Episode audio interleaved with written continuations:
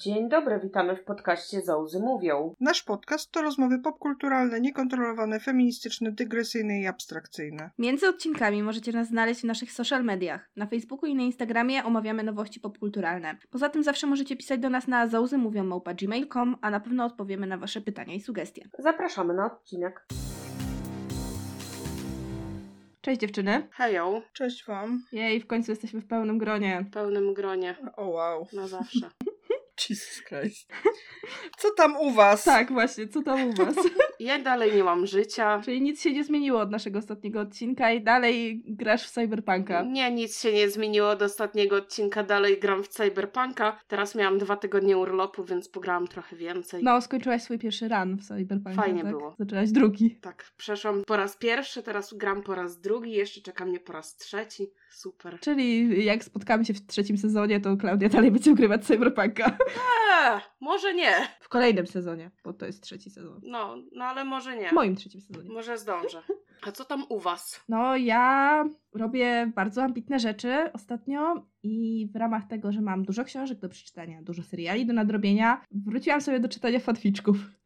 O, O! Tak, bo, bo stwierdziłam, że, że potrzebuję trochę inspiracji, a znowu mi się bardzo wkręciło Detroit, więc weszłam na Wattpada, przejrzałam sobie listę hashtagów z Detroit i stwierdziłam, że a, może będzie coś fajnego, nowego, czego jeszcze nie znam. Znalazłaś? Tak, znaczy przeczytałam fanfic jednej z moich czytelniczek, który ma dużo niedociągnięć językowych, ale z kolei ma świetnie poprowadzoną zagadkę kryminalną. W ogóle Laska ma taki łeb, że ja miałam takie, hmm, okej, jakby gratuluję researchu, nie? Odnośnie motywów, które ona tam umieszcza w tych swoich zbrodniach, więc naprawdę super. Trochę mam więcej tam zarzutów odnośnie relacji, jakie są między bohaterami, ale ogólnie czytało mi się to świetnie, zresztą ona dalej pisze. A teraz czytam kolejny, też y, dziewczyny, na której fanfika po prostu właśnie trafiłam, bo był na liście gdzieś tam i zobaczyłam Gawina na okładce, więc kim bym była, żeby nie kliknąć.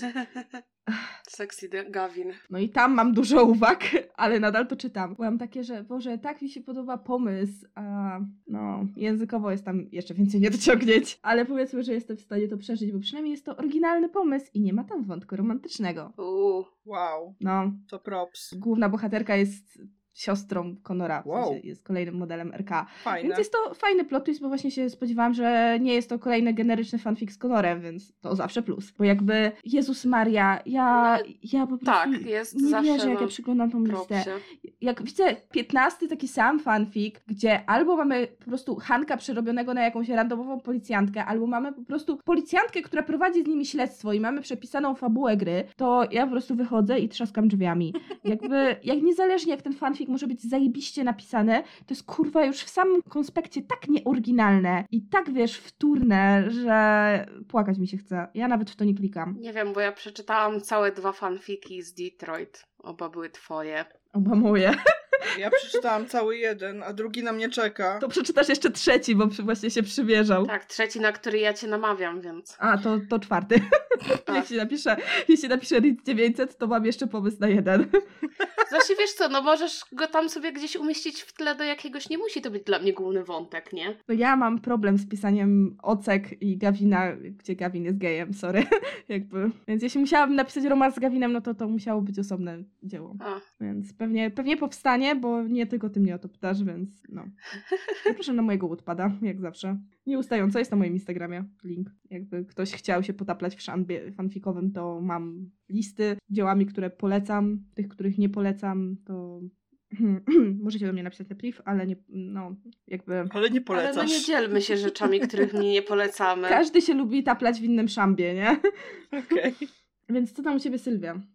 Oglądam filmy, seriale. Trochę mało, bo nie mam czasu za bardzo. Czytam książkę, którą, z której zrobię recenzję na Zozach, więc nie będę o niej teraz opowiadać. Natomiast mam dla was garść plotek. Mam dla was plotki z bardzo... ze źródeł, które nie są kompetentne, więc y, nie wiem na ile są prawdziwe, nie sprawdzałam, bo nie miałam czasu, ale natknęłam się na takie informacje, że Klaudia będzie drugi sezon Emilii w Paryżu. O, Jakby jest już zwiastun. I Emily nie będzie w Paryżu, tylko w Saint-Tropez. Właśnie ponoć jest już zwiastun, nie wiem, nie patrzyłam. Hmm. Dla siebie mam takie dwie informacje, że będzie drugi sezon e, serialu Książęta, o którym pisałam u nas na Zozach i e, który polecam. To jest takie ciekawe i nietuzinkowe young adult, że polecam wam też, bo wy lubicie young adulty, że będzie trzeci i czwarty sezon Bridgertonów, bo już jest przyklepany. To jest informacja dla mnie i dla fanów Bridgertonów. Oraz, że, uwaga, Konstancja, Denis Villeneuve chce reżyserować Bonda, ale myśli, że to będzie spore wyzwanie po Craigu. Tak, czytałam dzisiaj tego newsa, ale no... Oraz, że a propos Bonda, może go zagrać Henry Cavill. O Jezus Maria. To jest po prostu... Dzwoni rok 2015 i chce swojego newsa z powrotem. No ale wiesz, Craig skończył teraz, więc jakby pewnie będzie znowu o tym gadanie, jak zawsze, nie? Cavill, Elba, Hardy, Hiddles to są typy, które się powtarzają od Wiem. pięciu, sześciu, siedmiu lat. No. I Tak, od kiedy pierwszy raz Craig zaczął mówić, że odchodzi, więc ja przepraszam, dopóki on nie odejdzie i nie wybiorą nowego Bonda, ja tak se średnio wierzę, że on nie, odchodzi, on już nie? definitywnie, to był koniec. Z castingów na Bonda, które teraz się toczą i są prawdopodobne, uważam, że ciekawą plotką jest Harry Styles, ale to jest plotka. Mm, nie wydaje mi się. Mm. Ten chłopak ma tyle do roboty w życiu, że nie wydaje mi Mm, się, a to jest jednak stara- zobowiązujące. On na 21 urodziny kupił sobie własną wyspę, on ma co robić. Ale wiesz, no teraz gra w filmie Olivia Wilde z Florence Pugh, więc that's cool for him. Znaczy generalnie wydaje mi się, że może być za młodym na Bonda. Ale oni potrzebują młodej osoby na Bonda. O, ale nie, chyba nie aż tak. Czy ja wiem? Myślisz, że to aż tak? Myślę, że tak, no bo jak walnie kolejna pandemia i będziesz miała, wiesz, 4 lata przesunięcia premier, jak było teraz, no to jednak Craig się zestarzał, no niestety. No tak, tylko że wiesz, Konstancja, oni potrzebują kogoś, kto będzie grał takiego Bonda 30, a Harry Styles to ma babyface. No, to właśnie mówię. Dlatego drugą plotką, która mi się podoba, jest ten z Bridgertonów, co zagrał księcia w pierwszym sezonie, czy kurwa kogoś, nie wiem, główny bohater z Bridgertonów. Ale ponoć nie, bo już słyszałam informację, że jednak nie, nie będzie Bondem. Że to już jest potwierdzone, że nie będzie Bondem. Tak, a przez Taylor Swift Tom Hiddleston nie jest Bondem, nie? No jakby takich plotek to było 10-25 tysięcy. Kurwa, dlaczego znowu przez Taylor? Co ona mu zrobiła? Nie wiem, Wiem, no, no, coś, coś nie trzeba było powiedzieć, no i tak padło. Losowali. Dostałam taki zarzut, jak napisałam, że lubię Taylor Swift. Może to ta jakaś ten. typ Hiddelsiara mi napisała, że nie lubię Taylor Swiftu, przez nią Tom nie został Bondem. Na ja pewno przez takie, nią. Nie wiem, może nie został Bondem, dlatego że stwierdzili, że zrobią kolejny film z Craigiem Na przykład. Może nie został Bondem, bo jest paskudny? i się zestarzał. Znaczy może nawet nie paskudny, tylko... Jest za stary. Ma za kolana, wiesz... No, jest za stary i nie łudźmy się, nie jest aż tak dobrym aktorem. Craig też nie jest wybitnym aktorem. Nie, on nie miał być dobrym aktorem, on miał wyglądać. No. Ale przestał. No, Tomasz już nie wygląda. No właśnie. Także Kurwa, a może byśmy przyjęli tego, Benedykta na nowego Bonda? nie, Benedikt też jest za stary. Nie, już jest za stary też. Też jest już za stary?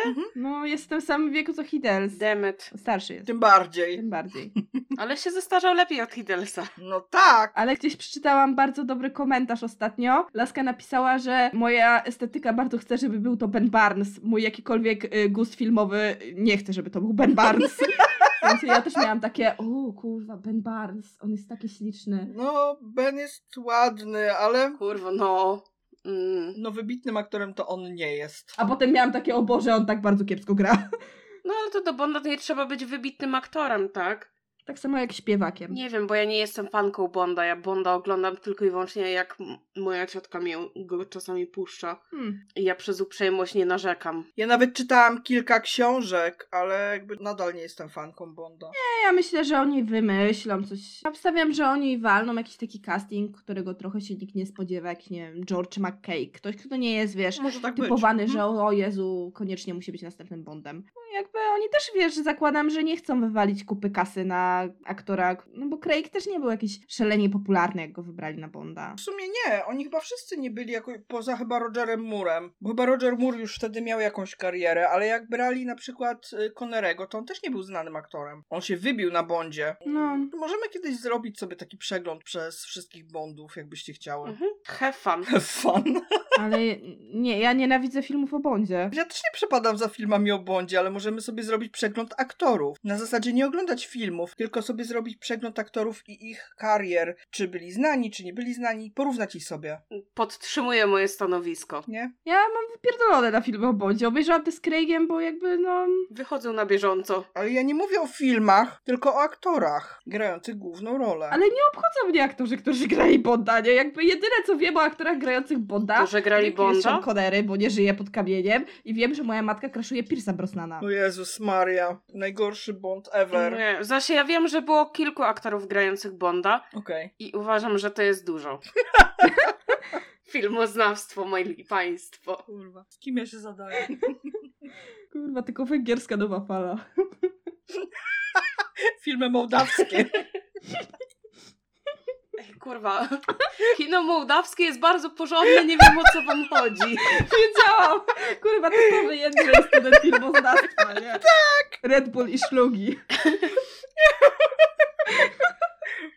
O mój Boże. Ale bardzo polecam fanpage O typowy Boże. Jędrzej student filmoznawstwa. Pozdrawiamy ją. Tak. On powstał mniej więcej jak ja zaczęłam na studia chodzić, więc cały nasz rocznik go uwielbiał po prostu. Mm, cudowna osoba, bardzo polecam. Też prowadzi Tak. podcast. Rzadko, ale prowadzi, więc zdecydowanie. Tak, i filmy Kurosawy na dobranoc. Jak już pośmiałyśmy się z Bondów, I studentów filmoznawstwa. tych filmów, które lubi Klaudia. Ej, ja filmy normalne oglądam bardzo. Nie wiem o co ci chodzi, ostatnio głównie dokumenty na Netflixie. Okej, nie mam więcej pytań. I tym optymistycznym akcentem przejdźmy do naszego tematu odcinka. O, a nasz temat odcinka dzisiaj jest zdecydowanie ciekawy. Filmoznawczy. Bardzo filmoznawczy, tak. Tak, Ponieważ wymagał od nas dużo researchu. bardzo, zdecydowanie. Zdecydowanie. Klaudia wciąż ma traumę po wczorajszych trzech filmach, które obejrzała, żeby móc dzisiaj o nich opowiedzieć dzielnie, ponieważ dwóch z nich żadna z nas nie widziała. Nie obejrzy. I nie zamierza oglądać. Ja przy dwóch zdecydowanie zadeklarowałam, że są niezgodne z moim światopoglądem i nie chcę mieć z nimi nic wspólnego. właśnie więc te jakby- dwa. Ja też ich nie oglądałam i nie, nie zamierzam oglądać. Dobra, nieważne. Przejdźmy do meritum. Tak, przejdźmy do tego, że będziemy mówić o retellingach bajek Disneya, tych klasycznych, znaczy ogólnie bajek, nie tylko Disneya. A zmusiło nas do tego, że wyszła nowa wersja Kopciuszka od Amazona, O Boże. gdzie główną rolę gra Camila Cabello i jest to musical. I którakolwiek z nas poza Sylwią to obejrzała? Konstancja to widziała? Ja! Oczywiście, że ja. Okej. Ten shit. Bo ja zobaczyłam zwiastun i stwierdziłam, że o Jezus Maria, jakie gówno, muszę to obejrzeć. Miałam dokładnie to samo. A potem miałam takie ja pierdolę, co ja patrzę. O, to, to było srogie. Że wiesz co, to ja miałam w planach to obejrzeć, bo od tego się właśnie zaczęło, ale Alex wrzucił... Alex Meyers, polecamy tego użytkownika. Tak, e- Alex Meyers wrzucił recenzję i obejrzałam i miałam takie... Chyba nie dam rady. Po czym drugi gościu, którego też oglądam z takimi prześmiewczymi recenzjami, czyli Dylan is, is in Trouble, też wrzucił i obejrzałam tą drugą recenzję i miałam takie, okej, na pewno nie dam rady. Poprawka. Więc tak. No więc ja obejrzałam z facepalmem na twarzy, a nawet z dwoma miejscami i komentowałam to do mojej koleżanki w trakcie i potem wylałam swoje żale w ogóle na Discordzie w sekcji popkultura i to było długie żale i trzy osoby po moich żalach obejrzały, bo stwierdziły, że to nie może być tak złe. Po czym wszystkie trzy stwierdziły, że o Boże, to było tak złe. To wyglądało tak źle. Ten film jest zły, nie oglądajcie tego dzieci. Ale może, może zacznijmy od początku, czyli właśnie od tego, jakie były nasze wrażenia, poza tym, że jest to tak złe i chcę wydłubać sobie oczy w trakcie oglądania tego. Czyli Sylwia, jak Ci się podobał dobór piosenek? Zacznijmy od tego. Ponieważ jest to musical o Kopciuszku, do którego wykorzystano w większości popularne kawałki. Ta. I co sądzisz na ten temat? Okej, przegapiłam tą część. Jaką? że tam były popularne kawałki. W sensie, no w recenzjach obviously nie było żadnych muzyk, żeby tego nie, nie wyrzucono z YouTube'a. Mhm. Więc przegapiłam, jakie piosenki tam były. Okej, więc To teraz ja, ja się pogrążę w straumatyzowanej ciszy, a ty mów. Tu jeszcze nie wiesz, jakie to były piosenki, nie? Także kontynuuję moją straumatyzowaną ciszę. Wszystkie piosenki były bez sensu dobrane. W ogóle wszystkie piosenki były bardzo źle zaaranżowane. Absolutnie nie pasowały do treści filmu, do treści tego, co się działo w danym momencie. Dla mnie w ogóle ogólnie, pod względem muzycznym, to było takie bardzo marne naśladownictwo, próba naśladownictwa Hamiltona. Nie wiem, czy miałaś też takie wrażenie momentami, że to było takie, Tak. takie, nasz, Tak. takie Hamilton O odniósł sukces, zróbmy to. Zarapujmy tą piosenkę. Chuj kurwa, bo to było beznadziejne, to było tak kurwa straszne, że ciśnienie mi się podniosło właśnie. Generalnie to było Nie, tragiczne. powiem- I ostatnia piosenka mi się podobała pod względem aranżacyjnym, ale tak totalnie położyli choreografię, że Jezus Maria. Ale ona też nie pasowała do, do fragmentu filmu, w którym się znalazła, ale aranżacyjnie mi się chociaż podobała. Jedyna. Nie, absolutnie nie. Te piosenki w ogóle nie pasowały. Ja z kolei miałam tak, że tam na wstępie była jakaś piosenka Mhm. Janet Jackson, której ja kompletnie nie znam, więc miałam takie, aha, okej. Potem jest ta piosenka, która była napisana do tego filmu.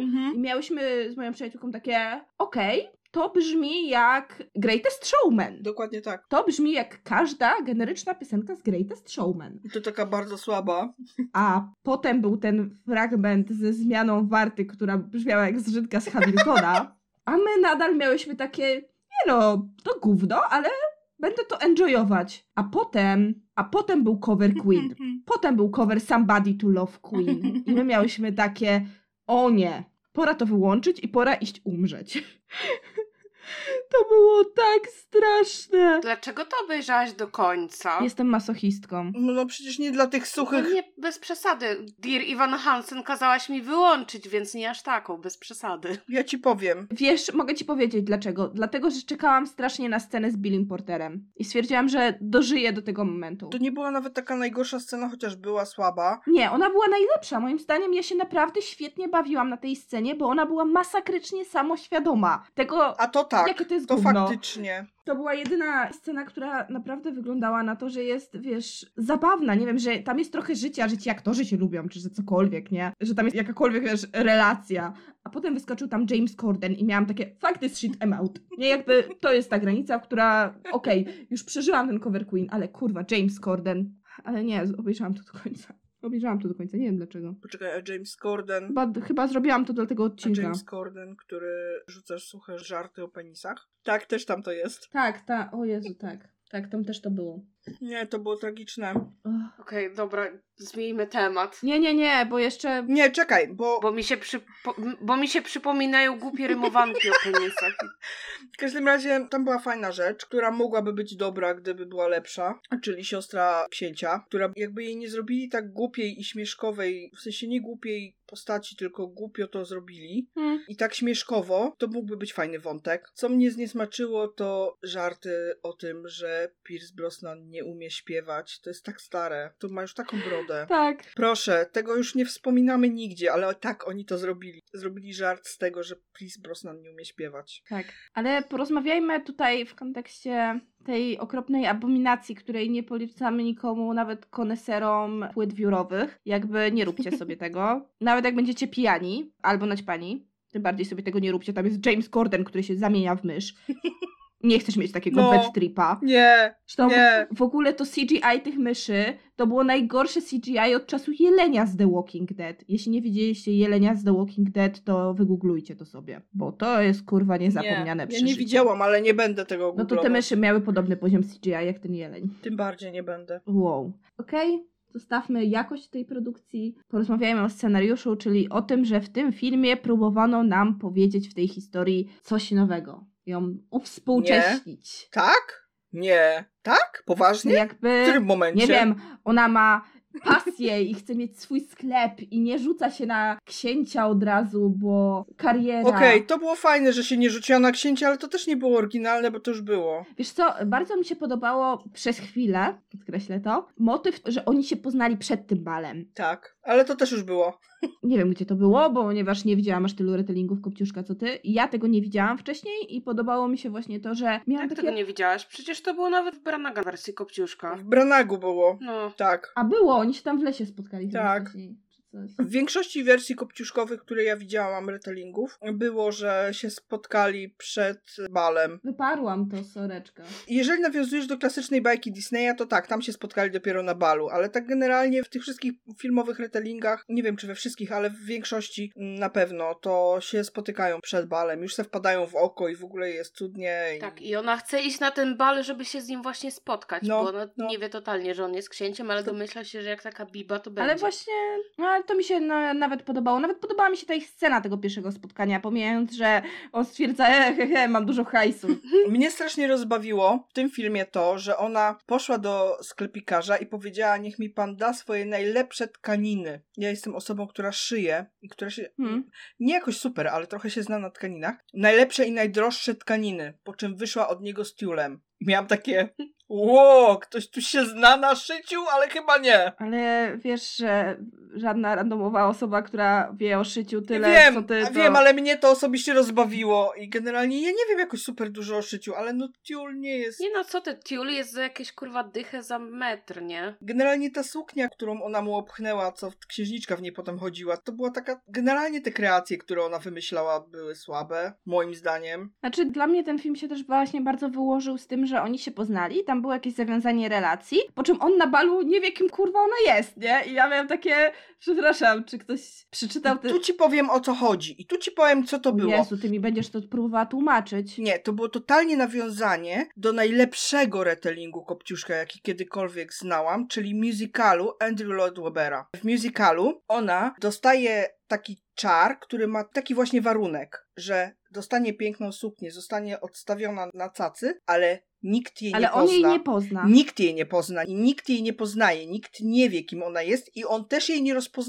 Nie, ale tutaj było zaznaczone, ona tam do portera, on się nawet z niej śmieje, że ona ma za dużo wymagań wobec niego, bo ona mówi, że okej, nikt ma mnie nie poznać poza tym jednym typem. I on na to przystaje. Więc jakby... Więc rozumiem, tak, mm, ale to było To nie ma nawiązanie sensu. ewidentnie do tego Kopciuszka Weberowskiego. Znaczy, no nie, no to nie jest nawiązanie, to jest po prostu y, po co był ten dialog, skoro to nie działa.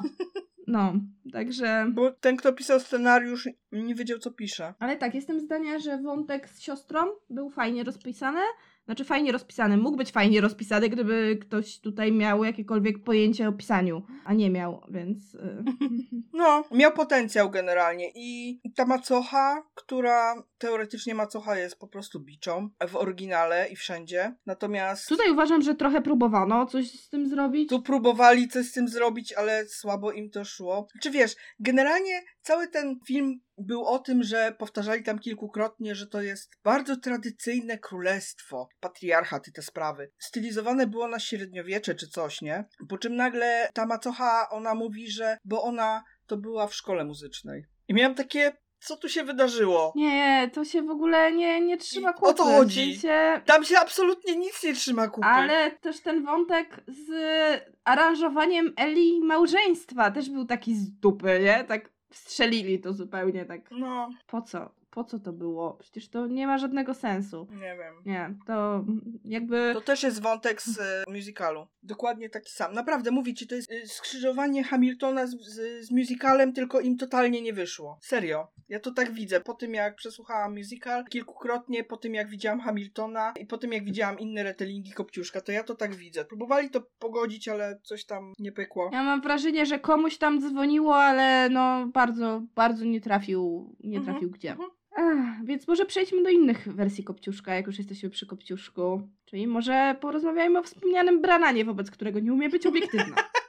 Nie wiem, ja uwielbiam ten film, ja go widziałam już tyle razy, że... Jezu, ja też. Jezu. O. Nie wiem, ja go widziałam ze dwa razy, może trzy. W sensie ja nie mam tak, że oglądam go w całości, ale bardzo często na przykład powtarzam sobie sceny z wróżką, albo jak ona wchodzi. Do dzisiaj się zastanawiam, jakim cudem ona się nie spierdoliła na rejs tych schodów, nie? Miała suknię, która była specjalnie uszyta do tego, żeby poszła w tej scenie po schodach. Była krótsza. Tam mieli chyba cztery czy pięć sukien. Tych takich samych, tylko dostosowanych do różnych sytuacji, gdzie tam właśnie jak schodziła po schodach miała ją odrobinę No krótszą. dobra, ale to nie chodzi o to, że aktorka jak sobie poradziła. Ja rozumiem, ale jeżeli to patrzysz na to z perspektywy bohaterki, masz taką kiecę, widzisz te schody i masz takie. Kurwa, nie wiem, dajcie mi deskę do snowboardu, nie? Może się położę i stoczę. Znaczy, no, generalnie z perspektywy bohaterki to ona umiała chodzić po schodach w takich kieckach. Z perspektywy bohaterki to ona umiała chodzić po Umiała schodach. chodzić właśnie. Kurwa, nie musiała nie? zjeżdżać po poręczy, serio. Kropka, nie? Cała ta sentencja jest tak piękna. Po prostu no ja generalnie uwielbiam tą ekranizację, uwielbiam, ja uwielbiam te stroje. O, Naprawdę uważam, że ta aktorka, która grała Kopciuszka powinna zrobić sobie kiedyś kontest na brwi z tym aktorem, który grał Tranduila w, w w Hobbicie. sensie Lily James e, Lipisem. Tak. Oni mają takie oboje takie hmm, almighty brwi, nie? Almighty.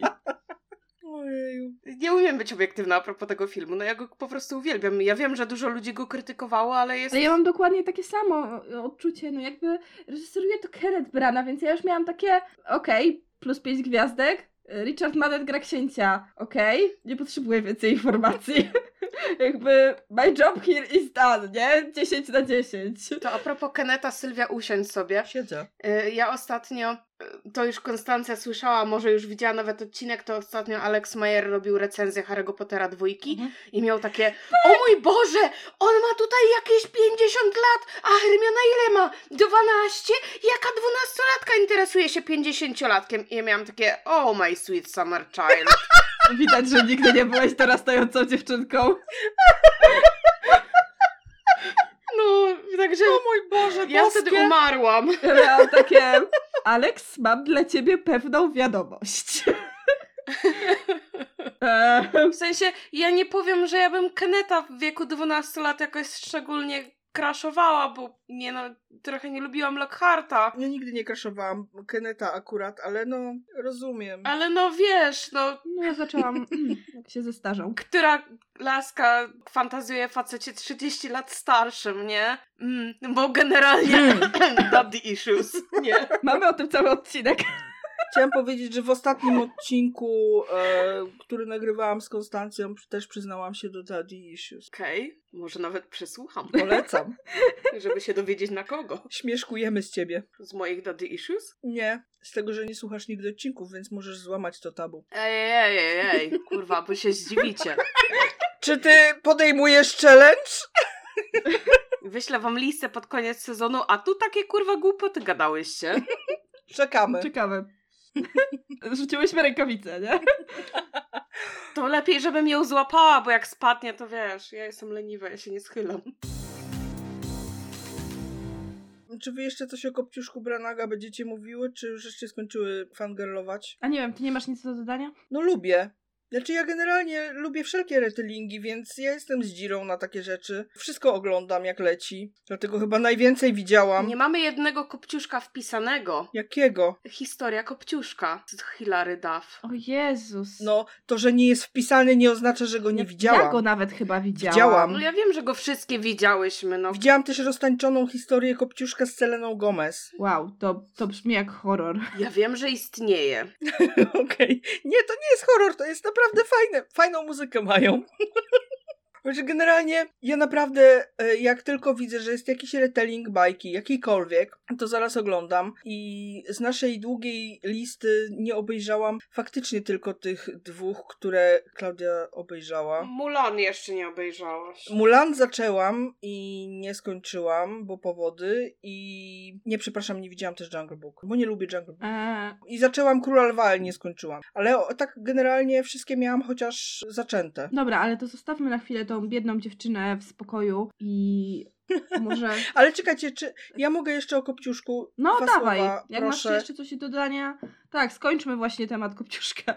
Chciałam powiedzieć o musicalu, No dawaj. który gorąco polecam, jest do przesłuchania na Spotify i bardzo żałuję, że nie udało mi się pójść na niego do teatru, bo byłam chora i do dzisiaj płaczę z tego powodu, bo jest to najlepszy retelling Kopciuszka ever, naprawdę. Wszystkie wątki, które tam są, są genialnie poprowadzone. Muzyka jest rewelacyjna, piosenki są super i podoba mi się to, że to jest Kopciuszek, który jest taki trochę rockowy, ten Kopciuszek jest taki trochę emo i to, co tam się dzieje, książę to nie jest książę, znaczy jest księciem, ale jakby nie jest tym księciem, bo jest drugim synem, a pierwszy syn wydarzyły się rzeczy, jakby nie chcę spoilerować, Przesłuchajcie sobie, to jest super. Natomiast było kilka twistów, które były do przewidzenia, no bo to jest kopciuszek, jakby pewnych rzeczy nie da się uniknąć. Natomiast był tam jeden taki twist, który mnie zaskoczył pod koniec, więc y, gorąco polecam. Przesłuchajcie sobie Cinderella Andrew Lloyd Webber na Spotify. O, to ja jeszcze tylko dodam do tego okropnego kopciuszka z Amazona,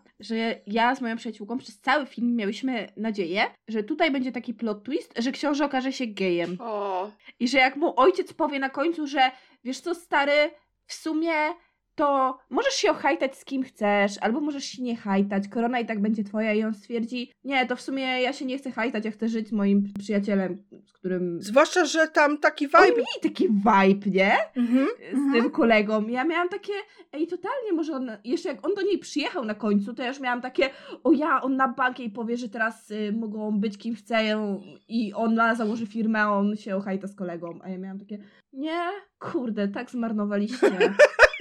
Dokładnie, zmarnowali, to dobry termin, tak. No. to by było ciekawe. Obejrzałabym, jakby tak było. Więc y, jeśli chodzi o Kopciuszka, to polecam bardzo gorąco, żebyście przesłuchali sobie musical. Powiedzcie mi, bo ostatnio Disney ma taką fazę na robienie live action wszystkich Mhm. swoich największych hitów. Mhm. No i ustalmy, że we współpracy z Branachem wyszedł właśnie ten Kopciuszek, który wszystkie uznałyśmy, że jest dobry i w sumie recenzenci uznali, że Może być. okej. Ujdzie w tłumie. Jakby ładna obsada, Kenneth Branagh, ładne stroje, przyklepmy to, bawmy się dobrze. Chyba największym zarzutem, który mieli, było to, że jest faktycznie przełożeniem bajki na film, bo tam nie ma za wiele różnic między. Ale tam zmienili bajką. trochę, bo Bran No jest trochę zmienione, ale- trochę akcenty, tak? On wytłumaczył w jakiś sposób, dlaczego ona była taka miła dla tej macochy tych sióstr, bo zrobił, że właśnie obiecała matce, że ona taka będzie, tak? No tego nie było w oryginalnej bajce. Coś tam poczynił no, jakąś Coś tam magię. próbował dogadać. No okej, dobra. No coś tam popróbował, nie? No i wszystko spoko, okazało się, że film wyszedł, pieniążki zarobił. No i Disney stwierdził, że będziemy doić tą krowę aż do kręgosłupa. Mhm. No i zapowiedział i wyszły kolejne 10 tysięcy różnych live action.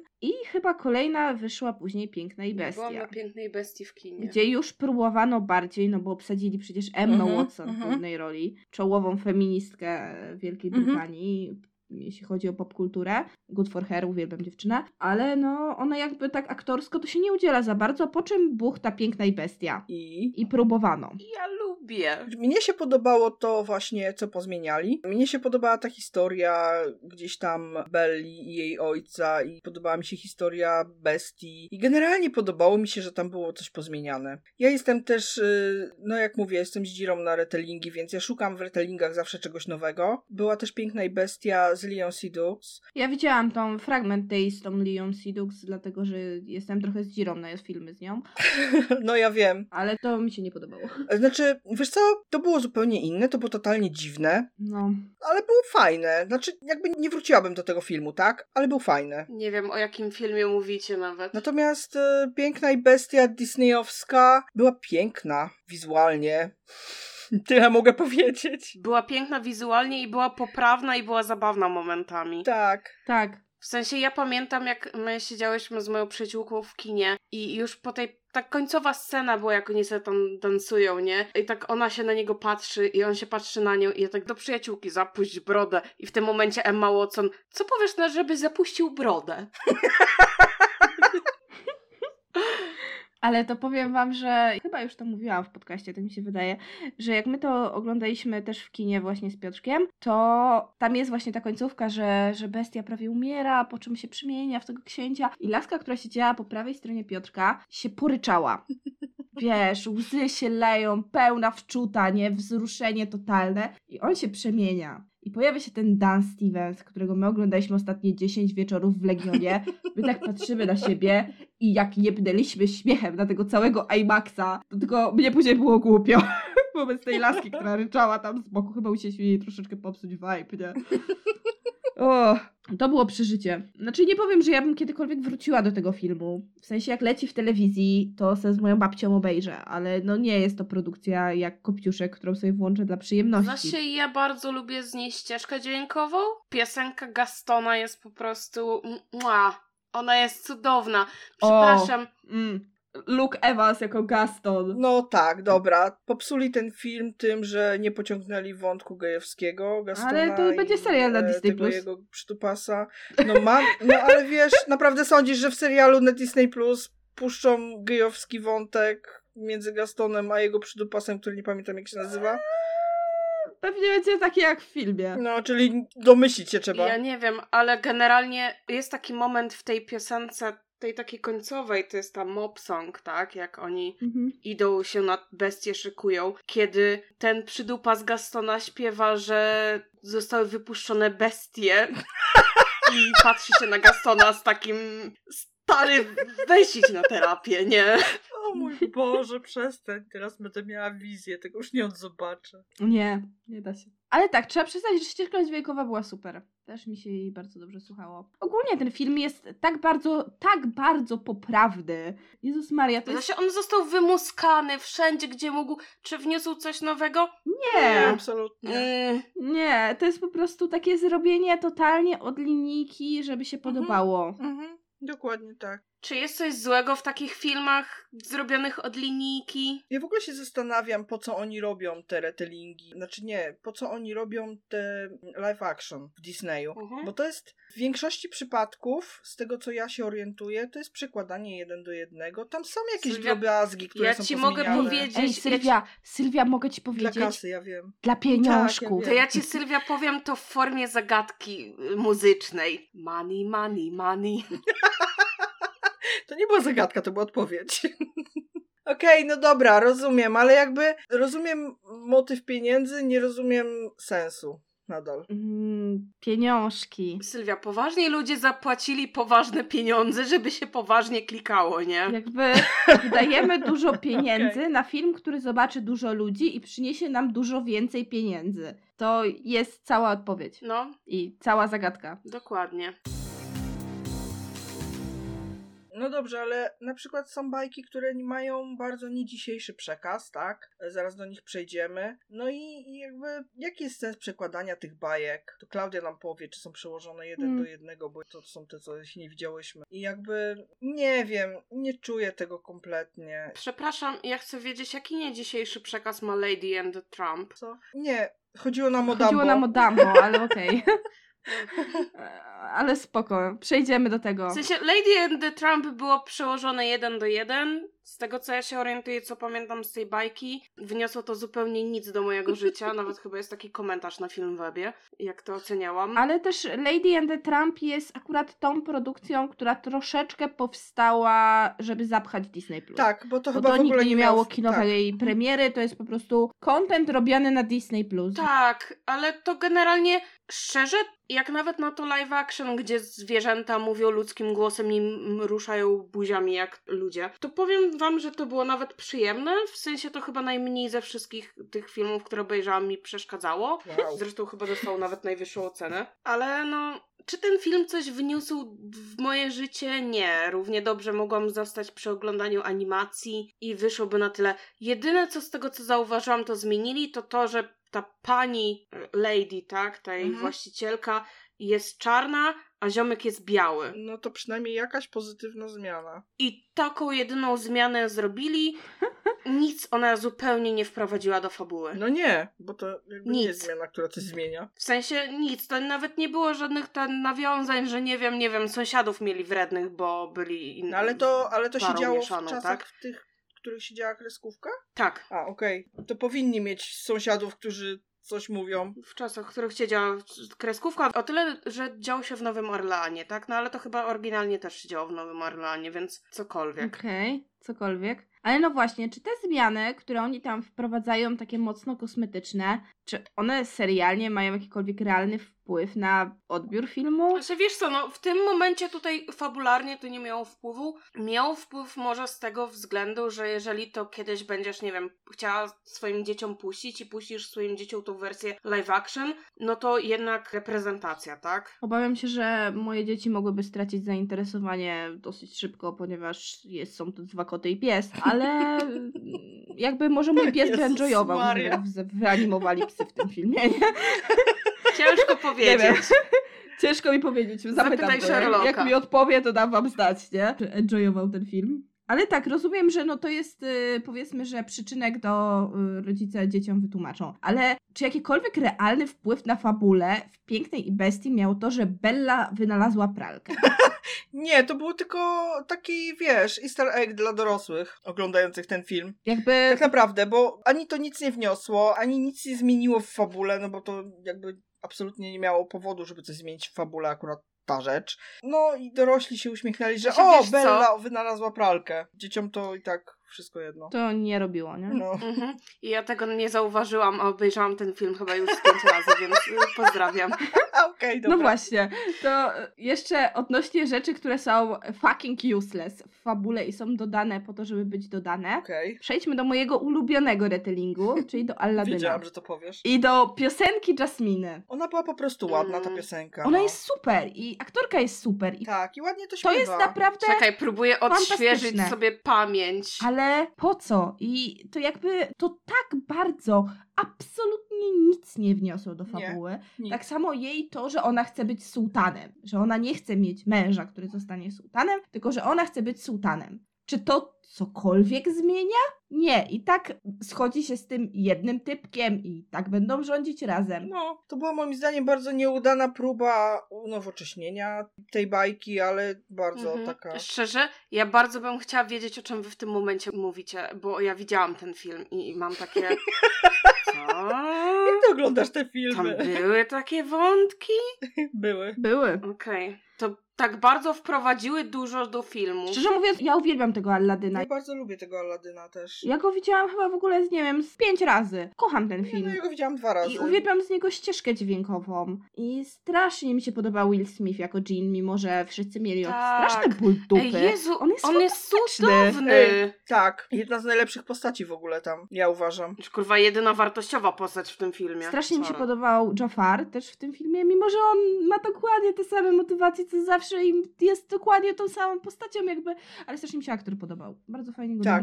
bardzo Mhm. fajnie śpiewał, więc Tak. dla mnie super. Czy w jakikolwiek sposób, to jeszcze tak odnośnie robienia tych live action, trochę od linijki, trochę po bandzie, czy cokolwiek wniosło do tego filmu to, że reżyserował go Guy Ritchie? Jakby Nie! cokolwiek? Jezus Maria, ja tak czekałam na ten film! Ja tak czekałam, bo to film Ricci, ja lubię filmy Ricci. A tu nagle, kurwa, były dwie sceny, które były gajoriczowskie trochę. Nie, to były trochę. A poza tym ten film mógł reżyserować ktokolwiek. Ktokolwiek, kto obejrzał trzy filmy Ritchiego w życiu, Tak, tak! I w ogóle ja mam takie, ja pierdolę, gdzie jest mój nie? W Gentlemanach, których zrobił za hajs Wiem, Aladyna, nie? ale takie, kurwa, no. No strasznie, byłam naprawdę zawiedziona tym. Znaczy, Absolutnie. ja nie byłam zawiedziona, bo ja się świetnie bawiłam na tym filmie, co już powiedziałam. I, I mówię, i bardzo mi się podoba ścieżka dźwiękowa i lubię ją sobie czasem puszczać, jak gotuję albo coś takiego. Ale to jest tak bardzo nie film Richiego i tak bardzo nietrafiony retelling, w sensie uwspółcześnianie, bo retelling jest spoko, Mhm. bo nadal jest to praktycznie jeden Mhm. do jeden, ale to współcześnianie tam już po prostu zahaczyło tak bardzo o to, że jest na siłę, że nawet ja to widziałam, gdzie ja zazwyczaj mam takie rzeczy, lekko jestem w stanie na to przymknąć oko. Ale tutaj Niestety. Powiem wam, co te filmy mają fajnego. Wszystkie są śliczne. są śliczne. Ale śliczne są filmy te, które są bajkowe. Natomiast jeżeli na przykład byśmy przeszli do filmów opowiadających o wilanach, to one mają, zauważcie, trochę inne filtry i są bardziej mroczne wizualnie. O Jezu, czy możemy przejść do Maleficent? Tak, możemy właśnie przejść do Maleficent. A mo- możemy, skoro już rozmawiamy o filmach, które są jeden do jeden, możemy najpierw tego Króla Lwa odhaczyć. Mówcie, bo ja go nie widziałam do końca, tylko widziałam fragment. A, okej. Dobra, to Klaudia, wypowiedz się, bo widziałaś go na świeżo. Okej, jeden. Nienawidzę Króla Lwa. Witam w klubie. Oryginału. O! W sensie ja nienawidzę oryginału. Zgadzamy się! I, i Tak. generalnie za każdym razem jak ginie Mufasa, to nie wiem, mam ochotę piątkę przybić z kazie, nie? Nie, no nie aż tak, ale generalnie, no nie. Nie, to ja aż tak, głównie dlatego, że nie wiem, czy ogarnęli widzowie, ale Sylwia ma dziecko. To dziecko jest psychopatą. Pozdrawiam. I to dziecko oglądało kiedyś Króla Lwa trzy razy dziennie. To dziecko nas słucha. Dziecko z Nadną oglądało tego Króla Lwa trzy razy dziennie, więc to dla mnie było bardzo mocno ciężkie przeżycie. Ej, ze mną też o co ci Ale chodzi? Ty spłodziłaś to dziecko, ty zasługujesz na karę. Ja nic nie zrobiłam, żeby takie, tak mnie karać w życiu.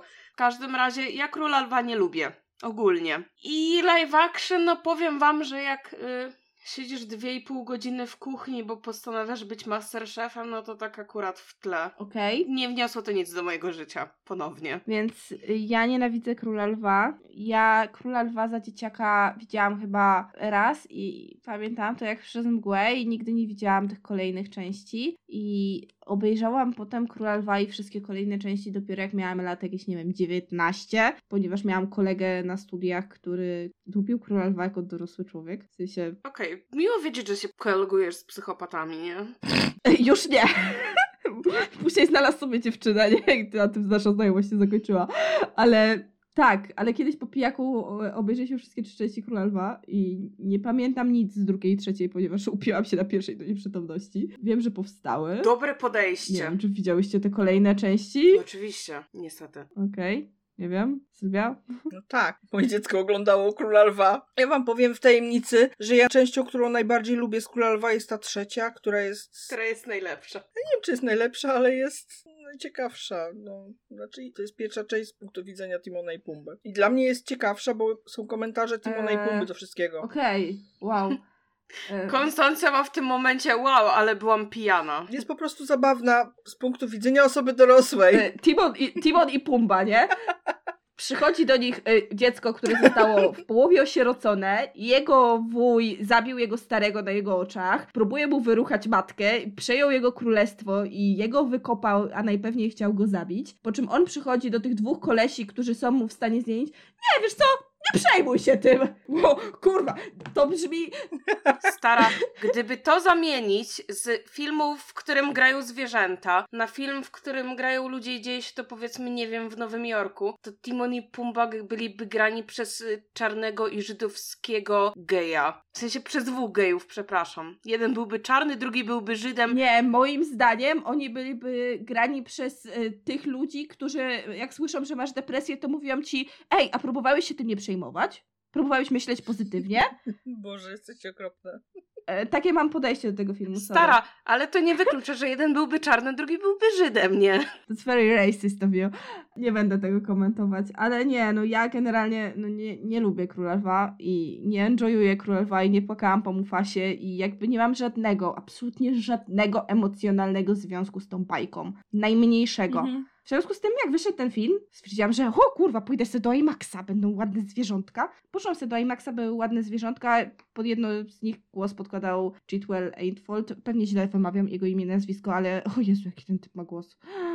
Nie wiem o kim mówisz, ale pamiętam tylko O skazie. A, to był właśnie ten aktor, którym byłam zawiedziona, ponieważ nie wiem, kim jesteś i co robisz w życiu, ale no Jeremiego Ironsa nie jesteś w stanie zastąpić, nie? Tak, to prawda. To jest Mordo ze Strange'a. No dobrze, Ja wiem, tylko... tylko, że w no. sensie ja wiem, co to za, za aktor, ale ja znam nie, go, nie ale znam, no... wiesz, ja nie znam piosenek z oryginału. W sensie słyszałam je może raz po polsku, nie? Bo oglądałam to z dubbingiem. No ale to wiesz, no Jeremy Irons, nie? No Jeremy Irons. Ale wiesz no, co, no musiałabym obejrzeć tą bajkę w oryginale i Nie. przesłuchać w oryginale. Nie. I miałam takie...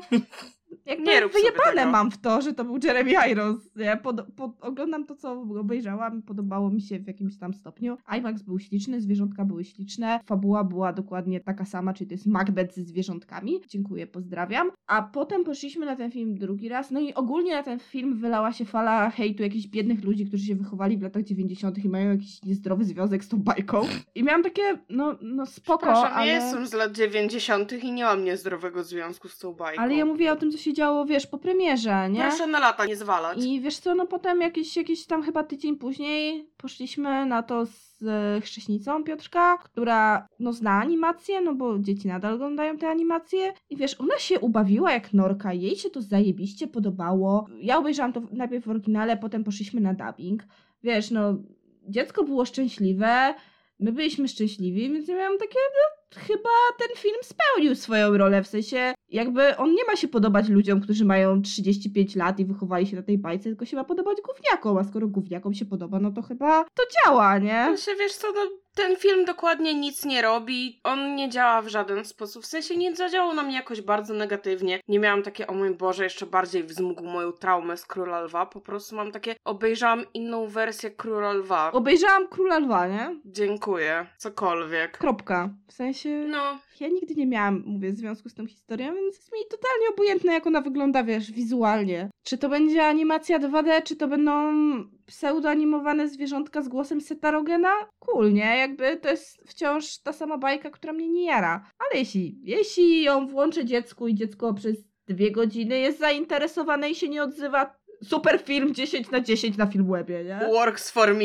No mnie nie rusza kompletnie ten królew. Obejrzałam fragment. Nie doszłam do hien w ogóle. A, to ja ci jedno mogę powiedzieć. Jeżeli nawet ten król lew cię nie ruszył, to myślę, że jeżeli kiedyś będziesz miała jakieś takie wolne popołudnie, będziesz potrzebowała, nie wiem, czegoś, co ci da takie uczucie miłego, ciepłego kocyka, to to Lady in the Trump spełni no, pewnie kiedyś rolę. obejrzę, bo wiesz, no wrócę do Polski i pewnie będę z dzieciakami oglądać po kolei wszystkie te filmy, tak? Ten film, Disneyowskie. on jest przyjemny po prostu, no bądźmy szczerzy. Filmy familijne generalnie, one nie, nie mają działać na ciebie jakoś tak głęboko, emocjonalnie, masz ich kurwa przeżywać jak dramatów, nie, nie wiadomo jakich, tylko mają być przyjemne, miłe do obejrzenia z ludźmi, z najczęściej z rodziny, z którą zazwyczaj nie spędzasz aż tyle czasu, tak? Więc no, myślę, że Lady and the Trump A- akurat w tej kwestii bardzo dobrze No, spełnia swoją Ja go rolę. lubiłam jako dziecko, podobało. więc pewnie obejrzę. Nie wprowadził ten film nic, ale nie było to najbardziej chujowo spędzone życie.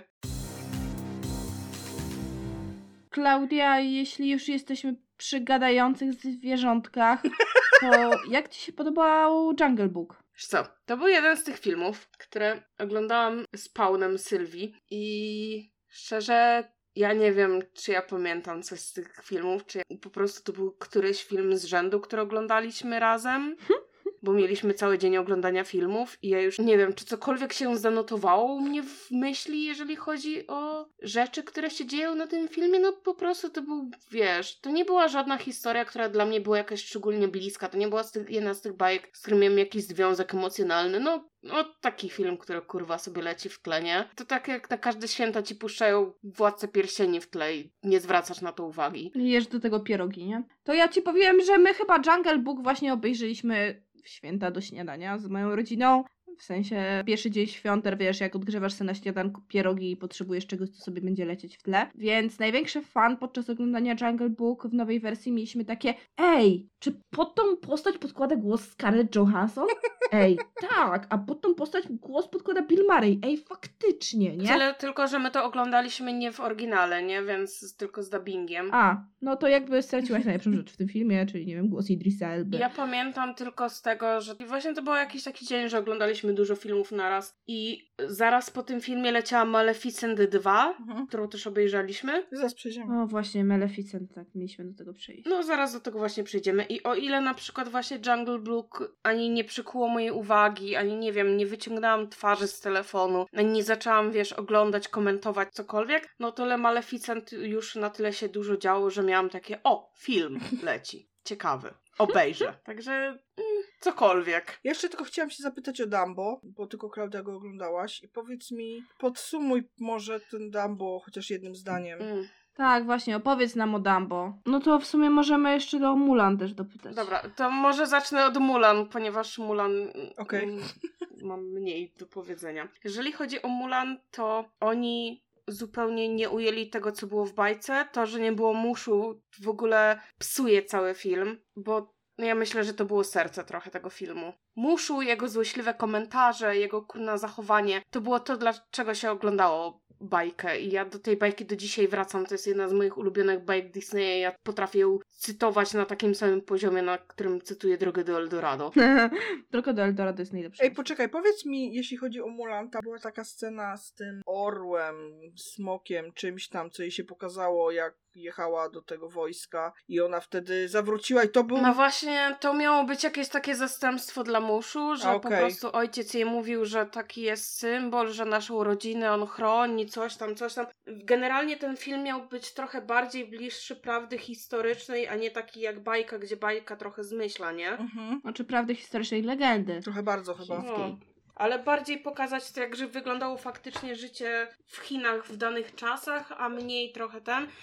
Bardzo dużo krytyki zebrał ten film ze względu na to, że on był realizowany w rejonie Chin, gdzie są obozy pracy. To, że był tam realizowany, to pół chuja, ale oni podziękowali władzom prowincji i to było On słabe. był zrealizowany współpracą z, tak, z władzą po prostu, No. tak? Która władza, no generalnie te obozy pracy sponsoruje, więc no wiadomo było, że jeżeli zapłacisz władzy, Między innymi dlatego ja nie obejrzałam tego filmu. no to władza dofinansuje te obozy, więc dużo ludzi się naprawdę oburzyło. No ja obejrzałam późno w momencie, jak już mogłam go obejrzeć za darmo, nie płacąc za niego nic. Bo za Disney Plus i tak płacę. Ja doszłam do momentu, jak Mulan e, dotarła do obozu. Chyba niewiele dalej. Wydaje mi się, że chyba nie doszłam jakoś super dalej. Może z 5-10 minut później wyłączyłam już ten film i już do niego nie wróciłam. Znaczy się moim zdaniem bardzo zmienili i na niekorzyść i nie pokazali nic więcej, co pokazywała bajka Disneya. Nie pogłębili tej historii, tylko i wyłącznie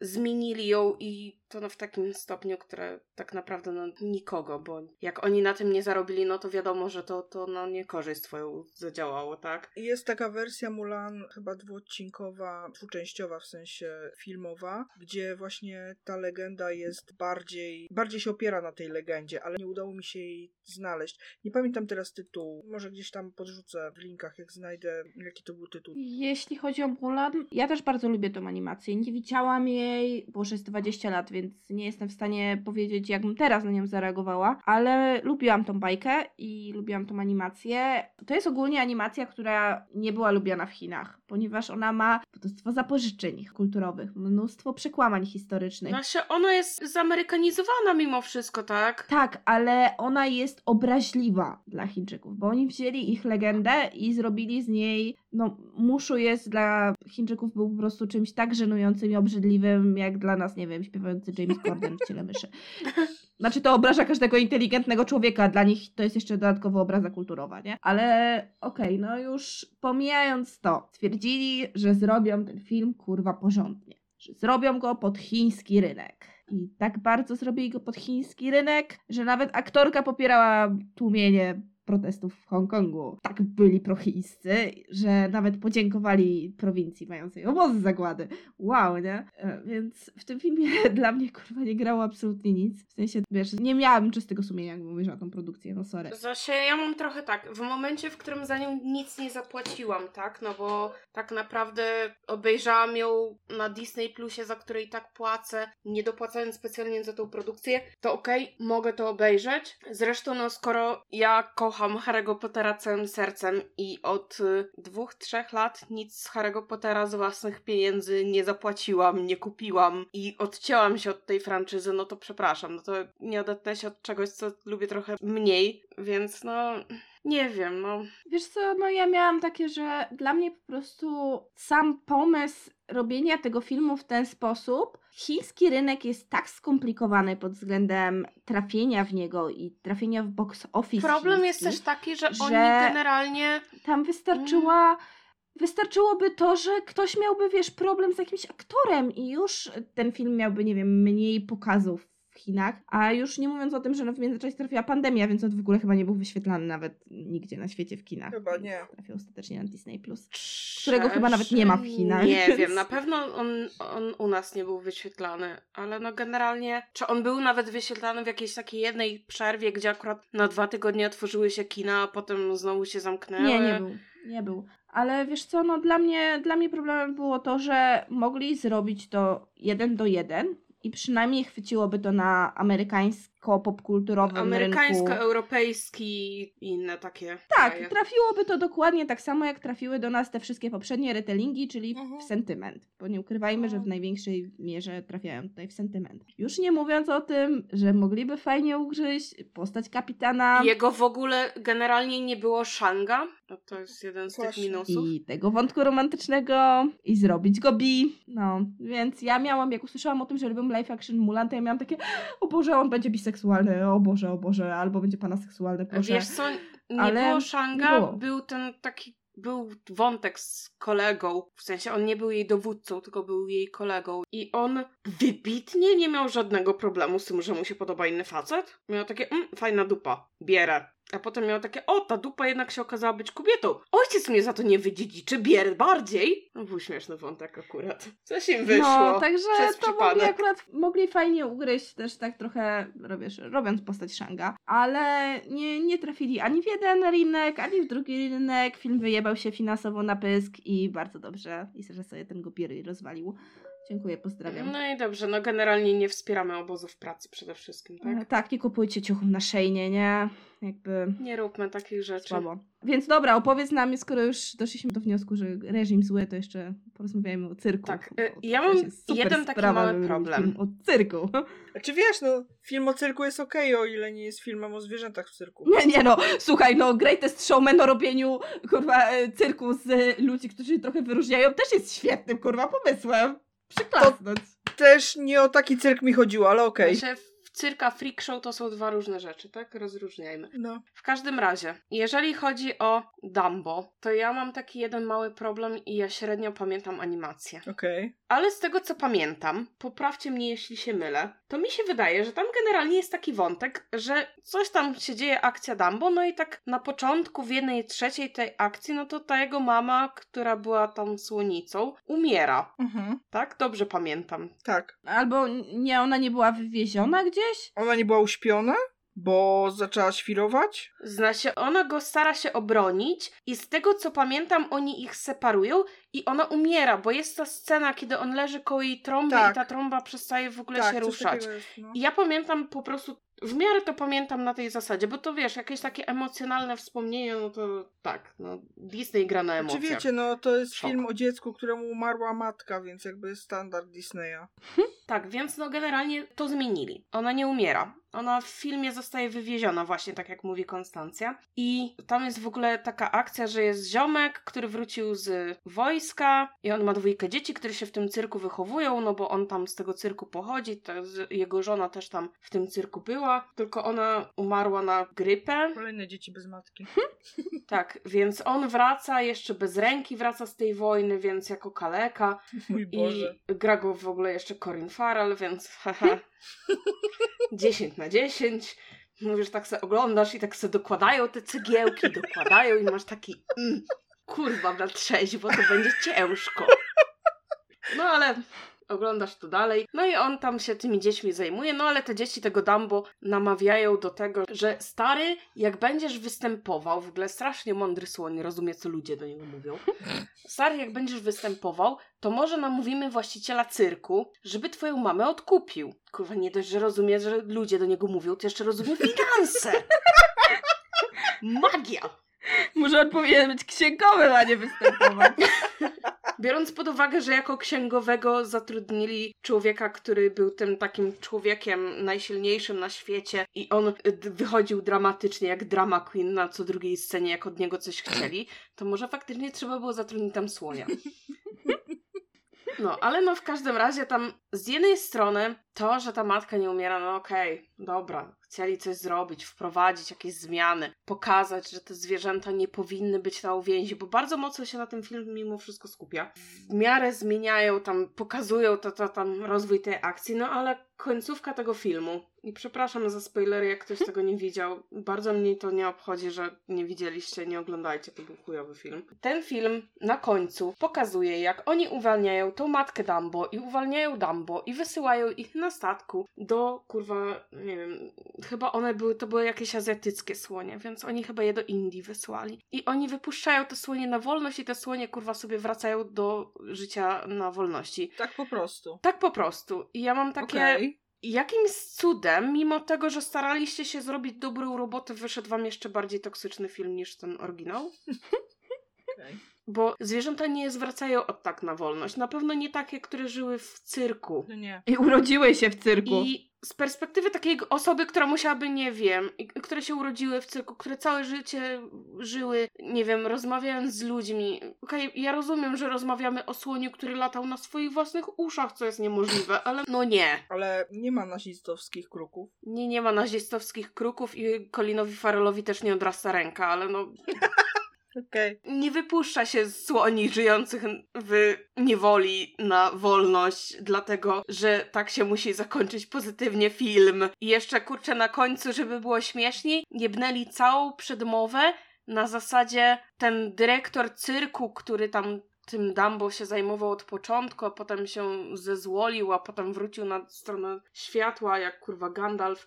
On, wiesz, przechodzi przez ten cyrk i mówi, to jest nasz cyrk, gdzie ludzie są szczęśliwi, będąc tym, kim są i uważamy, że żadne zwierzę nie powinno być w niewoli i być zmuszane do jakichś pokazów y, z ludźmi, po czym jest scena, jak Colin Farrell wjeżdża na koniu, który nie jest zwierzęciem, O kurwa. strzela Ja do balonów.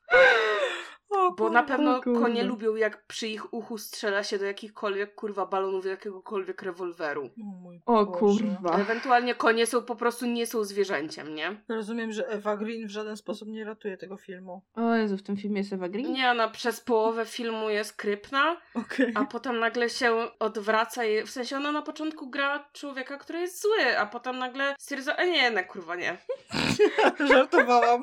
O, zmieniłam zdanie. I jest dobra nagle. Zes- Jezus Maria. To nie jest nawet tak, że jest jedna scena i to ta postać po prostu oni odkrywają, że ona nie jest zła. Ona autentycznie w jednej scenie chodzi koło głównego złola i się krypnie uśmiecha, a w drugiej scenie ma takie jestem miłym cukiereczkiem. Możemy przejść do Maleficent. Wow, nie, jakby... O, co to Tak, było? Więc O mój Boże. w sensie oni zrobili z tego filmu jakimś cudem bardziej toksyczny film niż był W pierwszy. sensie nie? ja nawet nie widziałam zwiastunów Dumbo, Ja bo jak nie. leciały w kinie zwiastuny Dumbo, to ja miałam takie, jak, jak przy zwiastunach horrorów, że zakrywałam sobie oczy i mówiłam takie, odmawiam istnienia tej produkcji, nie? Jakby nie zmusicie mnie do tego, żeby obejrzała ten zwiastun. Co było ciężkie, bo ten zwiastun leciał w Wojmaksie, a w Wojmaksie jest duży ekran, ale no wow, ja stwierdziłam, że nie, nie, ja po Madagaskarze 3 odmawiam e, oglądania filmów, w których jest cyrk, nie? Kurwa, nie namówicie mnie do tego. W sensie, wiesz co, no, mi nie przeszkadzało to, że jest tam cyrk. Mi przeszkadzało to, jaki był ogólnie toksyczny przekaz, bo No, Mhm. Popatrz na to z perspektywy takiej osoby, która faktycznie ma dziecko i która, wiesz, zabierze dziecko na jakiś randomowy film familijny i właśnie akurat trafi na tego Dumbo, bo nie wiem, bo będzie leciał na święta w telewizji i wytłumacz temu dziecku, które, no nie wiem, ma 4-5 lat, że kochanie, ale słoniki, które są w cyrku albo w zonie mogą wrócić No, do dokładnie. życia na wolności, tak? Ciężko. to jest pod tym względem to jest strasznie toksyczne, bo wiesz, no my sobie z tego zdajemy sprawę jako ludzie dorośli, ale no też ja nie wiem, czy wszyscy moi znajomi na przykład by sobie z tego potrafili zdać sprawę. mm. Pewnie miałabym jakieś takie osoby, które mają takie, no nie, no bo zwierzęta to można wypuścić na wolność. No właśnie, stary, no nie można. I ten film pokazuje kłamstwo. Jakby idźcie na profil koalicji Cyrk bez zwierząt i dajcie im jakąś złotówkę, bo naprawdę to, że jeszcze istnieją kurwa w XXI wieku cyrki z zwierzętami, to jest jakaś Dokładnie tak. Znaczy istnieją też obozy zagłady, chociażby na naszej kurwa polskiej granicy, ale nie wnikajmy w to. To nie jest odcinek o W sensie tym. podlinkujemy takie akcje, no, No. bo to jest coś, co warto tak naprawdę wspierać. Dobrze, przejdźmy do Wilanów, bo są ciekawsi. Tak, no bo Mhm. wiecie, w końcu Disneyowi skończyły się księżniczki, bohaterki i trzeba robić kurwa filmy o wilanach. Jeszcze im się nie skończyły, ale generalnie mają trochę zagwostkę, bo co mają nagrywać? Dzwonnika z Notre Dame? Czy Pocahontas? Ale chyba, chyba są plany na dzwonnika? Jestem tego super ciekawa. W sensie, chyba tropnęło gdzieś, że, że są plany i moją jedyną e, wizją było takie, chcę nową wersję Hellfire. Ale wiecie, tak a W propos... sensie, przepraszam, a kogo planują obsadzić jako dzwonnika? Bo jak znowu obsadzą, nie wiem, jak w musicalu na przykład Garu, to mam takie, po, przepraszam, proszę poważnie przemyśleć, nie robić hot dzwonnika, nie? Kogo by nie obsadzili, nie będzie lepszy niż Anthony Hopkins. No proszę was, on grał dzwonnika. On podkładał głos pod dzwonnika, nie grał go. On grał dzwonnika w wersji filmowej, nie disneyowskiej. A, okej, dobra, umknęło mi istnienie takiej rzeczy. Była. Jakby nigdy tego nie szukałam. Okej, I- czekaj. Klaudia robi research. Proszę mi to podlinkować, bo muszę iść nakarmić moje dody issues. Jak, jak jest dobre, to daj znać. No dobrze, ale Wilani. Dobrze, wróćmy do Wilanów. Skończyły się księżniczki, trzeba było przejść do originów story Wilanów i pierwszy było co? Maleficent? Maleficent. Mhm. Tak, Maleficent była pierwsza. Ja wciąż mam traumę. Dlaczego? Mi się podobało. Było inne. Ja nienawidzę tego filmu. Dlaczego? Ja nie mam żadnych głębszych uczuć, więc Konstancja zaczniesz, ja skontynuuję, Sylwia skończy. Ej, ja autentycznie nienawidzę tego filmu. Ale dlaczego? Zaraz ci wyjaśnię dlaczego. Dajesz. Dlatego, że ja w jednym tygodniu obejrzałam Frozen, a potem poszłam do kina na Maleficent i to jest kurwa ten sam film. W sensie cały storyline tego filmu, że mamy złą, tutaj robię cudzysłów, co się świetnie sprawdza w podcaście, bohaterkę i dobrą bohaterkę, która chce ją uratować magią miłości, ale coś idzie nie tak i potem się okazuje, że nie, nie, nie, to wcale nie chodzi o tą miłość do faceta, tylko chodzi o tą miłość siostrzaną, matczyną, wel, coś tam. To jest to samo. W sumie, kurde, nigdy Kurwa, nie spojrzałam na to w ten sposób. tego filmu jest absolutnie takie samo. Ja jeszcze oglądając tą Maleficent, to przez Kurwa, tak trzy stara, czwarte mogłaś sobie jeszcze Meridę puścić, nie? Do kompletu. No, tak. No ja tak właśnie przez trzy czwarte tej Maleficent miałam takie hmm, może to będzie plot twist, że to nie chodzi o tego księcia Melepetę, tylko może o tego kruka, bo on jest bardziej hot. O tak, Sorry, kruk jest hot. się na emo, emo boys, nie? Więc e, mam, wychodzi moja koszulka My Chemical Romance. Nie, ale no ja cały czas miałam takie, że o kurde, to może nie będzie chodzić o tego księcia, może będzie chodzić o tego kruka, może tutaj zakręcą trochę, że hmm, po czym nie, okazuje się, że to chodziło o matczyną miłość i miałam takie jakby naprawdę widziałam tą historię tydzień temu. No, To, czekaj. to nie sprzedacie Nie. Okej. stara, ty widziałaś, kurwa, Frozen. I ten film jest śliczny, Jela Fennig jest śliczna, Wyobraź sobie, że widziałabyś. Meridę. I wszystko w tym filmie jest śliczne, ale nie polecam. Znaczy, mnie generalnie się podobało ten początek, który był jakby wyjaśnieniem, bo jak zobaczyłam na początku, że ona ma skrzydła, to miałam takie wow, ona ma skrzydła, ona może latać. Co się wydarzyło, że potem nie ma skrzydeł? I to mi się podobało. Generalnie cały ten wątek z tymi skrzydłami Mm. i z tym zawiedzioną miłością i tak dalej, ale to, to że się przez... Boże, facet, facet jej... No dobra, zrobił jej krzywdę, zabrał jej skrzydła, ale generalnie poza tym chodziło o to, że no ona go kochała, a on jej nie. I przez to zrobiła się zła i to było słabe. Wiesz co? Nie, nie. Akurat y, to, że on jej zabrał te skrzydła i tak dalej, to jest, no powiedzmy, że łopatologiczna, ale bardzo dobra alegoria, nie wiem, do jakiegoś, wiesz, wymuszenia, trochę, wiesz, abused w związku. I to, że to, wiesz, później definiowało całe jej życie jest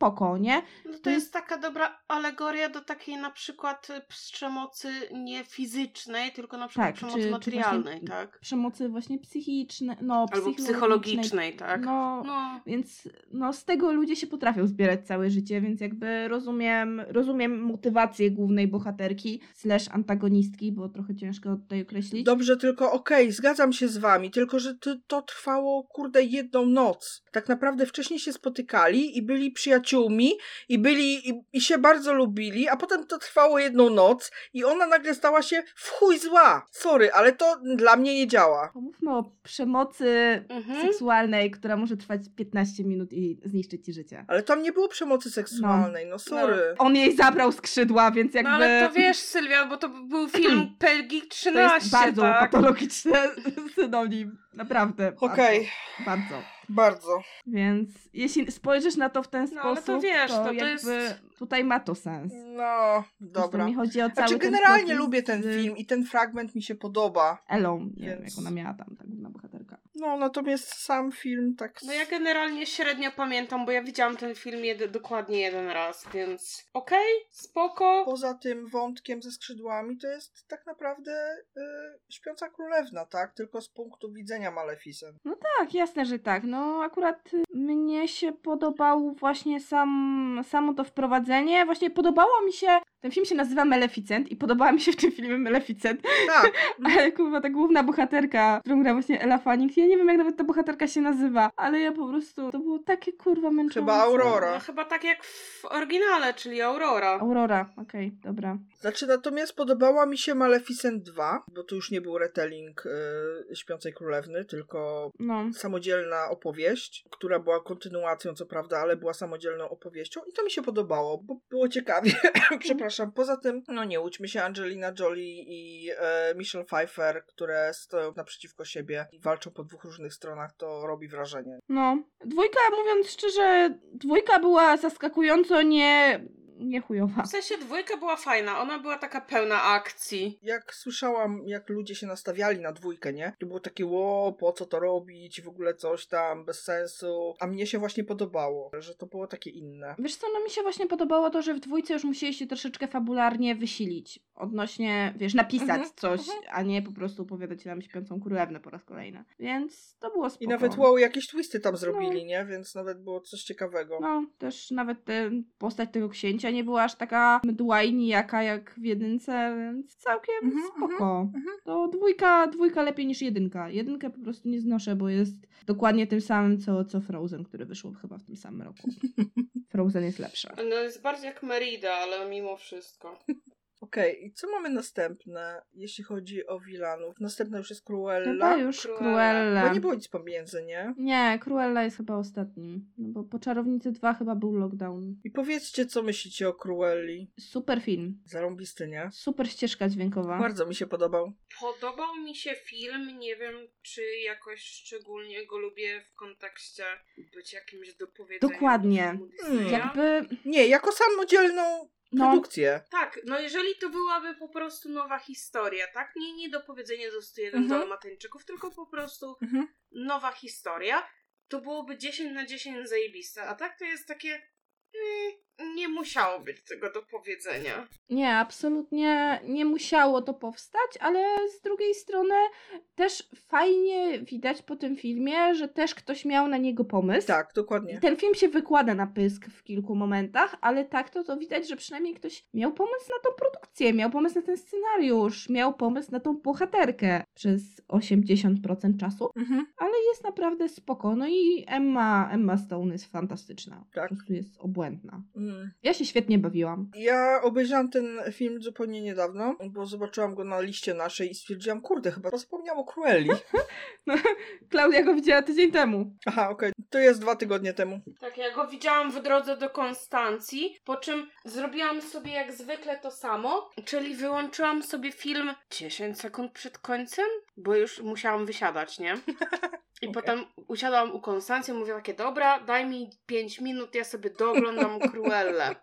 Więcej to mi zajęło załadowanie tej strony niż kurwa oglądanie. Ma dobre momenty, ma super momenty niektóre. Znaczy, ja przepraszam, ja uwielbiam Emmę po prostu. Którą? To były dwie Emmy. Obie. W sensie obie, ale no tą, która gra Cruellę, tak? Stone. Tak, Stone. Ja ją po prostu uwielbiam. Ona, jak ma taki mocny makijaż i uśmiecha się tak skurwysyńsko, stara zmieniam orientację, nie? It's good to be be.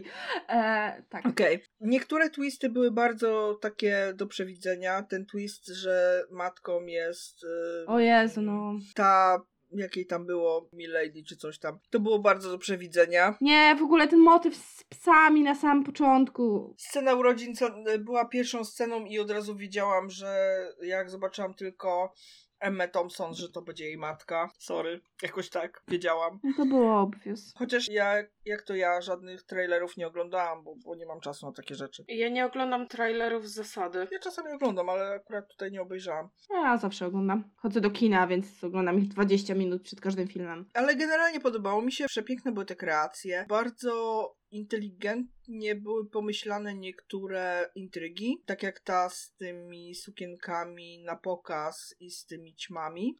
To było zarąbiste. Serio. To akurat przewidziałam, ale to było super. Mm. Ogólnie ten film miał naprawdę dużo fajnych pomysłów na siebie, ale przede wszystkim jak tutaj nie będzie Oscaru za kostiumy, Tak. to ja nie wiem, ja zgłaszam protest i trzaskam drzwiami. Tak, o Jezu. No, Kostiumy były najlepsze, no. za kostiumy i moim zdaniem za, Za charakteryzację charakteryzację. i Mhm. za scenografię też. Tak. Chociaż taki minimalny. Malutki, taki Oscarek. Mini Oscar. Niech kurczę nominację chociaż dostaną. Nominacja, nie? Mhm, mhm. Absolutnie w ogóle Oscar za kostiumy to nie, nie wiem do czego musiałby trafić. Nie, nie wiem co oni musieliby zrobić w tym roku jeszcze, żeby, żeby to trafiło do czegokolwiek innego. W sensie pewnie, wiesz, odwzorowanie kostiumów z epoki u nowego Ridleya Scotta to, to pew- pewnie też będzie nominacja, ale no jakby to co zrobili tutaj.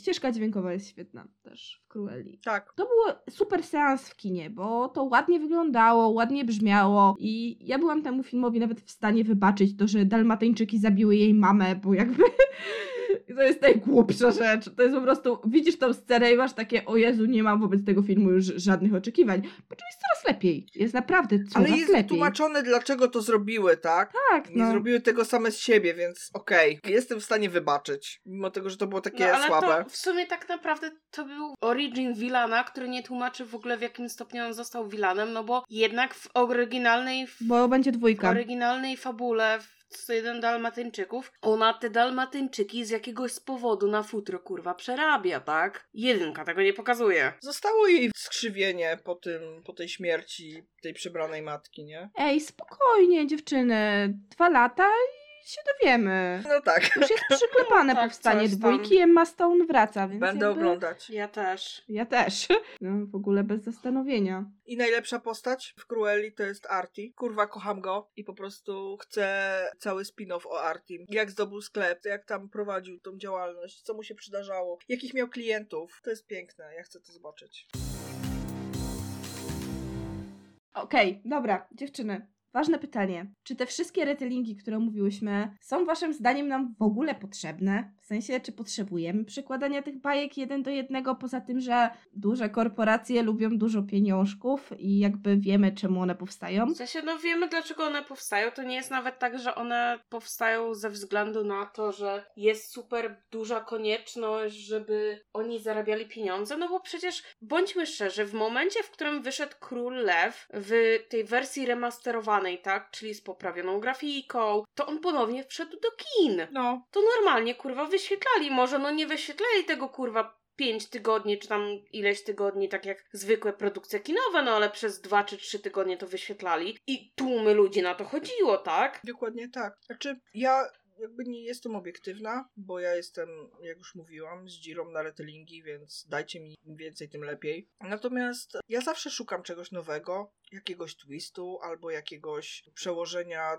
na nowoczesność, tak, na, na to, co teraz się dzieje, jakiegoś odniesienia do rzeczywistości, która jest obecnie. I takie przekładanie, zwłaszcza tych starszych bajek, jeden do jednego jest dla mnie takie trochę mech, dlatego nie obejrzałam niektórych z tych filmów, dlatego bo stwierdziłam, że jakby to mnie nie rajcuje. Ja mogę obejrzeć po raz 500 Kopciuszka, albo nowego Kopciuszka 500 i zrobię to z większą przyjemnością niż oglądanie takiego Dumbo, czy nawet Mulan, tak? Przełożonej niby z twistem i niby innej, ale jednak kontrowersyjnej w sposób, który sprawia, że nie chcę jej oglądać. Jak pewnie już zdążyliście wyłapać, ja nie mam podejścia do dzieci i nie mam zainteresowania w dzieci, ale jestem ciekawa, czy po prostu dla współczesnych dzieciaków, które mają, nie wiem, 10 lat, które są wychowane na Disney Channel, no bo ja nie jestem wychowana na Disney Channel, nie? Ja się wychowywałam na tych klasycznych animacjach i na tej animacji 2D i to jest, wiesz, mój odbiór animacji w dzieciństwie.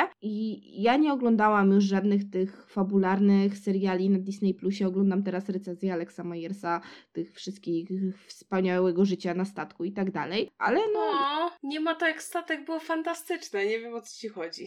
no, moja młoda już wychowywała się na tych produkcjach, wiesz, takich, powiem tu, live action. I właśnie jestem ciekawa, czy po prostu ta animacja 2D jest w tej klasycznej formie jeszcze wciąż na tyle atrakcyjna, że w kinie ona byłaby w stanie zgromadzić taką widownię jak kolejne live action. Wielkobudżetowe, które jest śliczne i familijne i grają tam ładni ludzie, więc jakby, nie wiem, no mam wrażenie, że nie wiem, no Jungle Cruise z The Rockiem ma większe szanse powodzenia niż puszczenie kolejny raz, nie wiem, klasycznego, poprawionego Lion Kinga do kina, w sensie, co zarobi więcej pieniędzy i nie wiem, co dzieci będą bardziej enjoyować. Ciężko mi się tu wypowiedzieć, no bo nie wiem, nie wiem, jakie preferencje mają dzieci, no ale z jakiegoś powodu to robią. Muszą mieć jakieś grupy fokusowe, które im mówią, że to się sprawdza. Po prostu jestem ciekawa, czy właśnie dla dzieciaków, które w większości są wychowane już na innej animacji i na innych produkcjach, w sensie, no mówię, no, bardziej na jakiś, nie wiem, live action, czy to nie jest po prostu bardziej domyślny sposób przyjmowania już teraz popkultury niż ta animacja 2D? Wiesz co, to zależy chyba od wieku dziecka. No od wieku dziecka, no wiadomo, że, że pięciolatek nie wysiedzi ci dwóch godzin w kinie, ale no pięciolatek też nie utrzyma ci atencji przez y, dwie godziny w domu, nie, oglądając bajki. Więc no tutaj, tutaj no to, to jednak ten metraż jest też dostosowany do dzieciaków, no bo jednak jak powstają nowe animacje od Disneya, to one też są trochę krótsze niż, niż live action. Mówię raczej o takich dzieciakach trochę starszych, no, no wiadomo, no małego dzieciaka nie zabierzesz na Cruellę. No tak, tylko wiesz... To ci broni, ale po co? to, że wiesz, pytasz się o animację 2D, no to na animację 2D też nie weźmiesz, wiesz, dwunastolatki czy piętnastolatka, bo oni już nie będą zainteresowani animacją 2D. Natomiast w zeszłym roku... Ja mam 30 parę lat i chodzę na animację. No ja też, ale wiesz, to już z czego innego wynika troszeczkę. Natomiast w zeszłym roku, będąc w Polsce, poszłam z synem na animację 2D, zupełnie inną, nie disneyowską, do kina i bawiliśmy się świetnie oboje, także wiesz... Ale nie, nie, nie, czekaj, czy to na pewno była animacja 2D? Tak, W sensie to było coś z lajki, takiej bardzo klasycznej animacji 2D? Czy to było to pseudo-brzydkie 3D, które teraz wychodzi ala Psi Patrol? Bo to nie jest klasyczne 2D, jak my oglądałyśmy Króla Lwa. Jezus, już teraz ci nie powiem na 100%, ale wydaje mi się, że to było 2D. Ale na 100% ci nie dam głowy uciąć sobie, bo nie pamiętam nawet, co to była za bajka w tym momencie. Bo teraz niewiele animacji już wychodzi w tym bardzo klasycznym 2D do kin. One wychodzą w tym takim 2D, 3D, które jest takie trochę paskudne moim zdaniem, ale no wiesz, wszystkie psie patrole i inne tego typu rzeczy, no to one już wychodzą w No tym... wiesz, dzieci wychowane na tych wszystkich psich patrolach, to będą to, wiesz, brały jak swoje, nie? Tak, no, no nawet kucyki. Chyba ostatnią animacją taką pseudo 2D, którą ja widziałam w kinie, to były kucyki, które były w kinie, ale tak to to wszystko to już wychodzi jako to takie 3D. Nie licząc takich animacji, jak Studio Laika robi, które robi celowo animację tą taką rysowaną, poklatkową. Ale to jest zabieg, wiesz, stylistyczny. Teraz myślę, że raczej próżno znaleźć, wiesz, na wielkim ekranie animację właśnie jakości wspomnianego Króla Lwa, nie? Czy Znaczy, Mulan. ja jestem w ogóle zdania, że za dużo się robi retellingów. Znaczy, no, nie zrozumcie mnie źle, tak? Ja lubię retellingi, tylko chodzi mi o to, że jeżeli masz Króla Lwa, który był w latach tam 90., tak? I był wielkim hitem. Ludzie go kochali, to jakby okej, zróbmy to jeszcze raz. Będą kochali drugi raz. Natomiast moim zdaniem lepiej by było, niech nie robią live action Króla Lwa, które jest paskudne, tylko niech zrobią po prostu bajkę w 3D, która będzie nową bajką. Będzie miała coś nowego w sobie, tak? Król Lew nie był historią, która Jasne, to jest Hamlet, tak? Przełożony dla dzieci na zwierzątka. To zróbcie coś takiego, ale z czym innym, tak? Jakby od nowa No coś. ale to wiesz, stara, to nie zawsze się sprawdza, tak? Ty czytałaś w ogóle to Disney War, które ja ci Ale pożyczyłam no, w końcu? Nie, nie miałam na to czasu. No to widzisz, to oni tam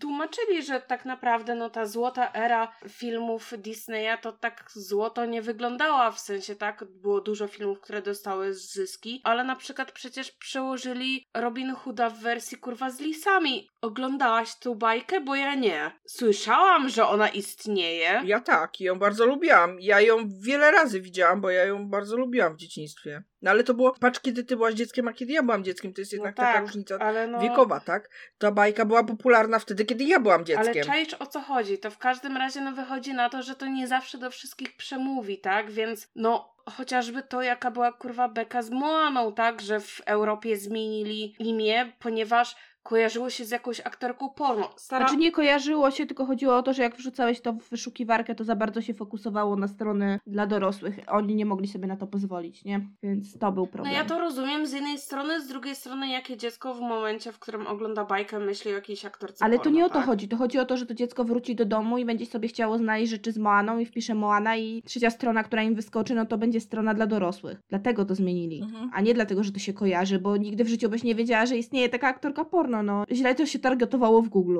No, To jest problem. Ale nie, jeśli chodzi o te animacje, to ja się bardziej raczej chodzi o to, że no to woda jest mokra, nie to, co ja teraz powiem, ale dlaczego oni robią te retellingi? No wiadomo, dla pieniędzy. Okej, dlaczego, odpowiadając na twoje pytanie, Sylwia, dlaczego nie zrobią innej bajki w tej jakości, w której wyszedł Król Lew? Dlatego, że ona będzie chuja kogokolwiek obchodzić. A jak to jest nowa wersja Króla Lwa, to jak masz dzieci, które nie znają Króla Lwa, bo zakładam, że są takie dzieci, to zabierzesz je, żeby im pokazać nową wersję Króle, Króla Lwa, bajki, którą ty znasz z dzieciństwa. I ty będziesz mogła być z tego strasznie rozczarowana, ale dziecko obejrzy sobie nową bajkę. I dla niego to będzie nowa bajka, bo istnieją dzieci, które nie widziały Króla Lwa, nie? Jakby naprawdę istnieją. Więc oni robią te retellingi, dlatego że oni nie targetują tych retellingów w nowego odbiorcę. Oni targetują to w osoby, które mają już dzieci, nie? Wychowały się na tych starych animacjach i są w stanie teraz zabrać dzieci do kina. no trochę tak. No trochę tak, ale nie wiem. No nie, no nie, tak, tak, po prostu oni to targetują. No Nie jakby my już jesteśmy w tym wieku, że jakby większość moich znajomych ma dzieci i to dużej mierze dzieci, które już zabiera się do kina. A jak nie, to ma chrześniaków, których można zabrać do kina. Więc no to jest raczej już robione po to, że wiesz, no ja też znam ludzi, którzy są w moim wieku i którzy, wiesz, nie, nigdy w życiu nie wydaliby hajsu na pójście na nowego Króla Lwa. Ale mają chrześniaka i w sumie w tym wypadku to co mam pójść? Mam pójść na jakąś królewnę z dzikiej doliny, czy Bóg wie co, jakąś, wiesz, tandetną bajkę, jakie, które tam zawsze są jakieś w repertuarze, jakieś tandetne bajki, które są w kinie, czy pójść na kolejnego blockbustera od Disneya, który może i będzie gównem, ale przynajmniej będzie gównem, które będzie ładne. To, na samoloty I nie trzy. obrazi mojej inteligencji. Więc tak to się nakręca, nie? Okej. No wiesz, to czy nie obrazi twojej inteligencji, to jest jednak trochę debatable, tak? No. Ale no, wiesz, Sorry, ale chodzisz jakoś to przecierpisz i chociaż wiedziałaś na co się No. piszesz, tak? Powiem ci tak, nie widziałam tego Dumbo, ale zakładam, że skoro była tam Eva Green i Colin Farrell, to już ma to większe walory estetyczne niż, nie wiem, Gnomella i elfy, czy o psie, który wrócił do domu, czy coś w tym stylu. No, zawsze jest jakaś taka pasza dla dzieci, która nie dość, że wygląda źle, nie dość, że nie zapowiada się dobrze scenariuszowo, to jeszcze, wiesz, płacisz za nią tyle samo, co za, wiesz, film Disneya, który kosztował 200 milionów. Jak wydajesz 35 zł za bilet do kina, to jednak idziesz na coś, co przynajmniej będzie lepiej wyglądać. Albo będzie tam jakaś ładna osoba. No, Czy ja uważam, że jest to potrzebne? Nie wiem, nie mam dzieci, więc nie jestem w stanie powiedzieć. Ja w większości to enjoyuję, więc jakby wolałabym więcej animacji pokroju Moany. Jakbym miała wybierać, to 10 razy przyjęłabym taką Moanę niż, nie wiem, kolejny retelling y, klasycznej animacji, ale no nie mnie wybierać, nie? Tym bardziej, że oni się z Moaną tak idealnie wpasowali tak naprawdę ze wszystkim, bo i trochę kulturowo, no bo wzięli sobie kurwa Lina Manuela Miranda. Proszę, który- nie zacznijmy mówić o Moanie, bo ja o Moanie mogę mówić przez półtorej godziny. nie wchodźmy w Moanę. Moana będzie miała swój własny odcinek. Nie wchodźmy w Moanę, ale generalnie ustalmy. Dobrze sobie zrobili Moaną, mogliby tak robić z innymi rzeczami. To bardzo źle zabrzmiało, Klaudia, Mm, w tak. kontekście Moany. Ha, ha, Popiję ha, to. Ha, Popij. ha, ha, ha.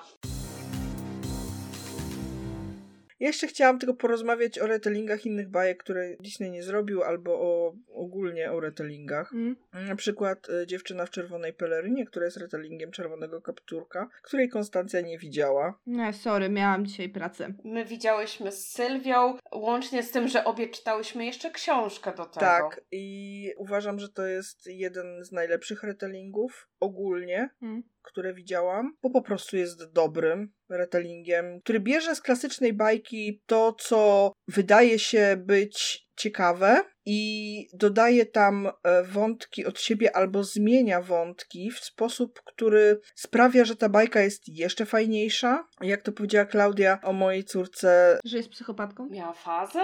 Więc ona psychopatycznie lubiła czytanie e, Czerwonego Kapturka w wersji oryginalnej i nie jakieś tam przekłady fantastyczne na zasadzie ktoś sobie po prostu bajkę o Czerwonym Kapturku spisał, tylko tę oryginalną wersję, która jest dość mroczna i taka bardzo, ja bym powiedziała, że dla dziecka ona miała wtedy jakieś 5 A lat. kto oryginalną napisał tak naprawdę? To nie byli E, pero, Grimowie? Nie, Perolt. Znaczy nie wiem, czy on nie był też już którymś z kolei autorem, ale chyba jego jest taka najbardziej znana z tych klasycznych właśnie wersji. Aha. Na pewno nie bracia Grimm. I on jest taki dosyć mroczny, ten czerwony kapturek. I ona, e, był taki moment, że ona codziennie wieczorem przed spaniem chciała, żeby jej czytać czerwonego kapturka. Już w którymś momencie miałam po prostu takie dziecko, kurwa, tylko nie ten czerwony kapturek. Już żygam tym czerwonym kapturkiem, ile można. Po prostu i dzień w dzień. I mam wrażenie, że właśnie z tej wersji wzięto najwięcej takich fajnych, mrocznych elementów i dodano tam swoje jakieś e, rozwiązania i to wyszło naprawdę super.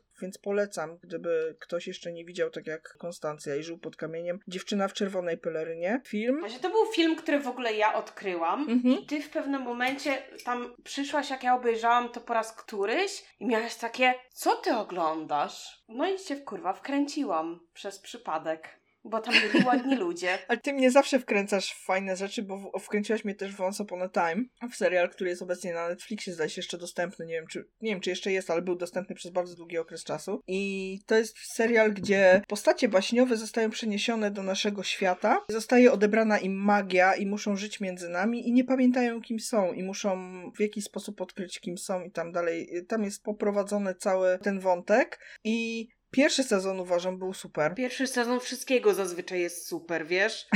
Przy czym Eee, em, nie. Poza Riverdale. Nie, pierwszy sezon Riverdale akurat jest dobry. Chciałam powiedzieć Nie. o Iron Fistie, ale okej.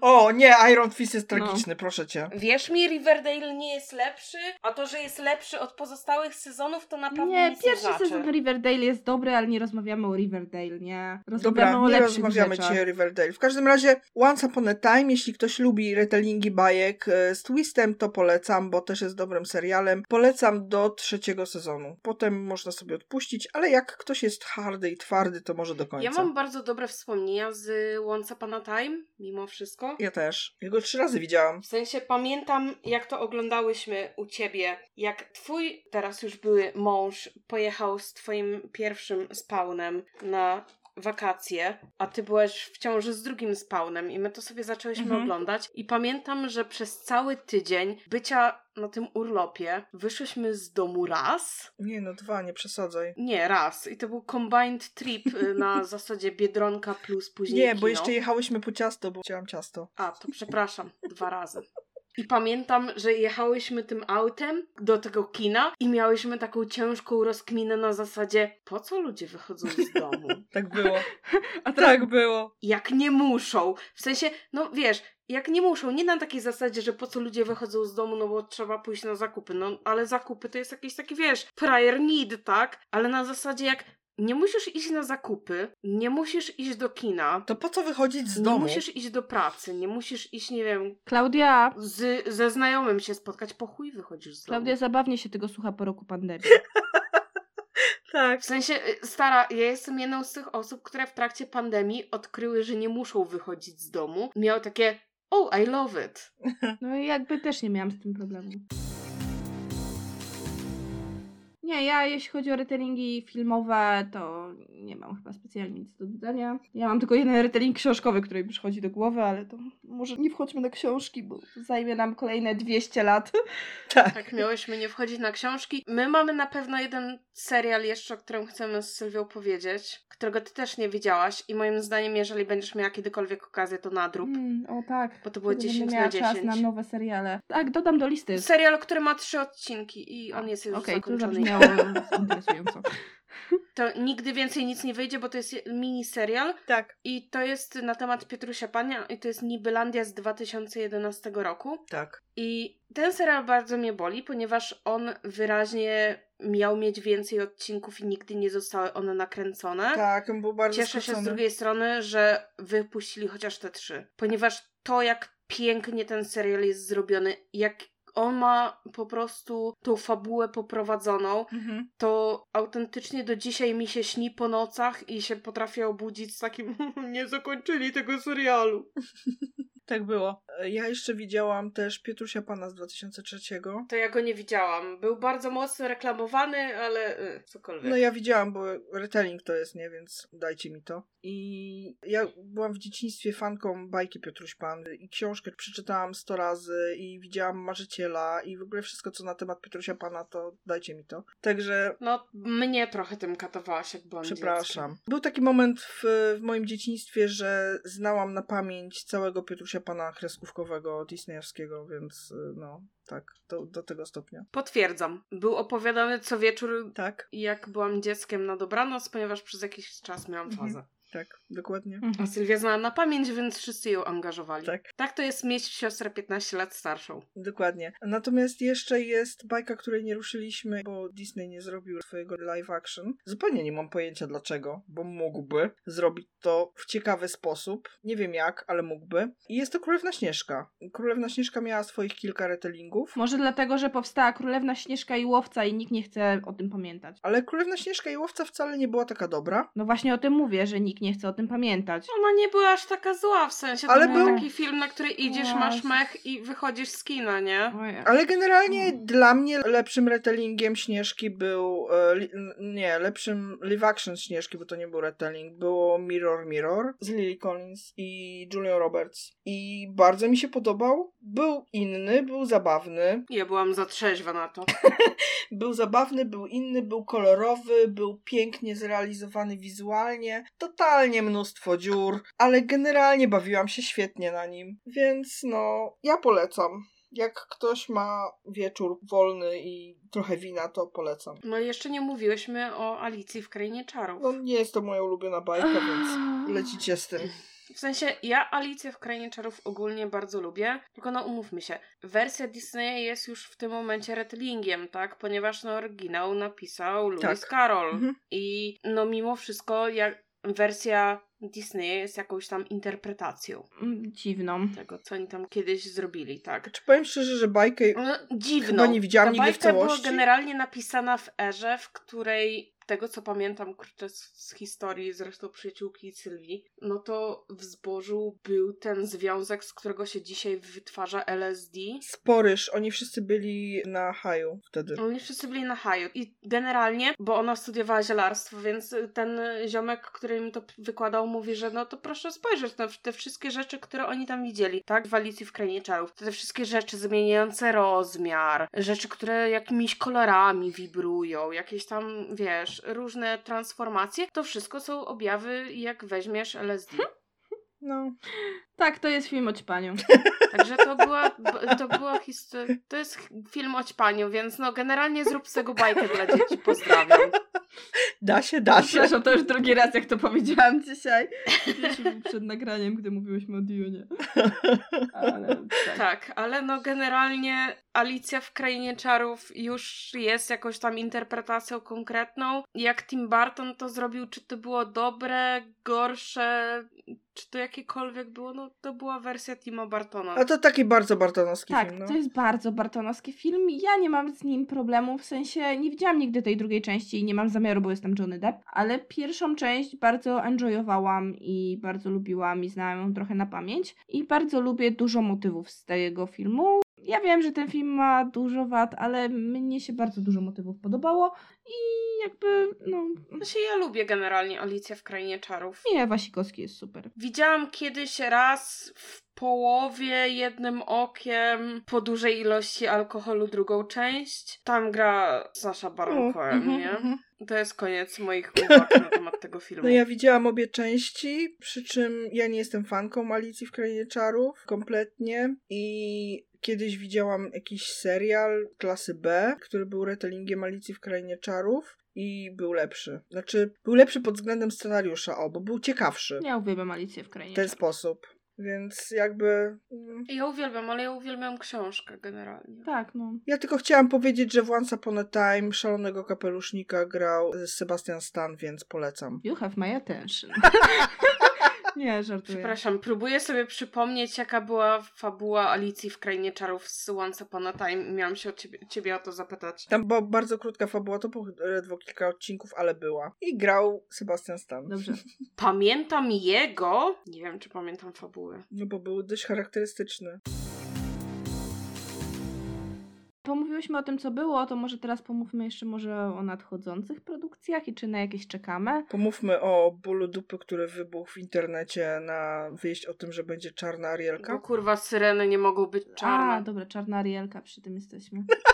Wow, nie? Pokaż mi w podręczniku do biologii, że muszą być białe. Jak syrenka może w ogóle być? W Zacznijmy od sensie, tego. przepraszam, to tak jak te czarne elfy, które kurwa nie istnieją, bo te białe elfy to takie często Na spotykane. każdym rogu! Zawołaj tylko na podwórku. Ja jakby jedynym moim komentarzem do tej całej inby o czarnoskórą Marielkę, która się rozpętała, Boże, ja już zdążyłam zapomnieć, że ona była, to było to, że wrzuciłam zdjęcie Taiki Waititiego jako Hitlera i napisałam, e, to może teraz czarny Hitler. No to napisałam, że pozdrawiam, będzie go teraz grał maoryski Żyd, nie? Yo.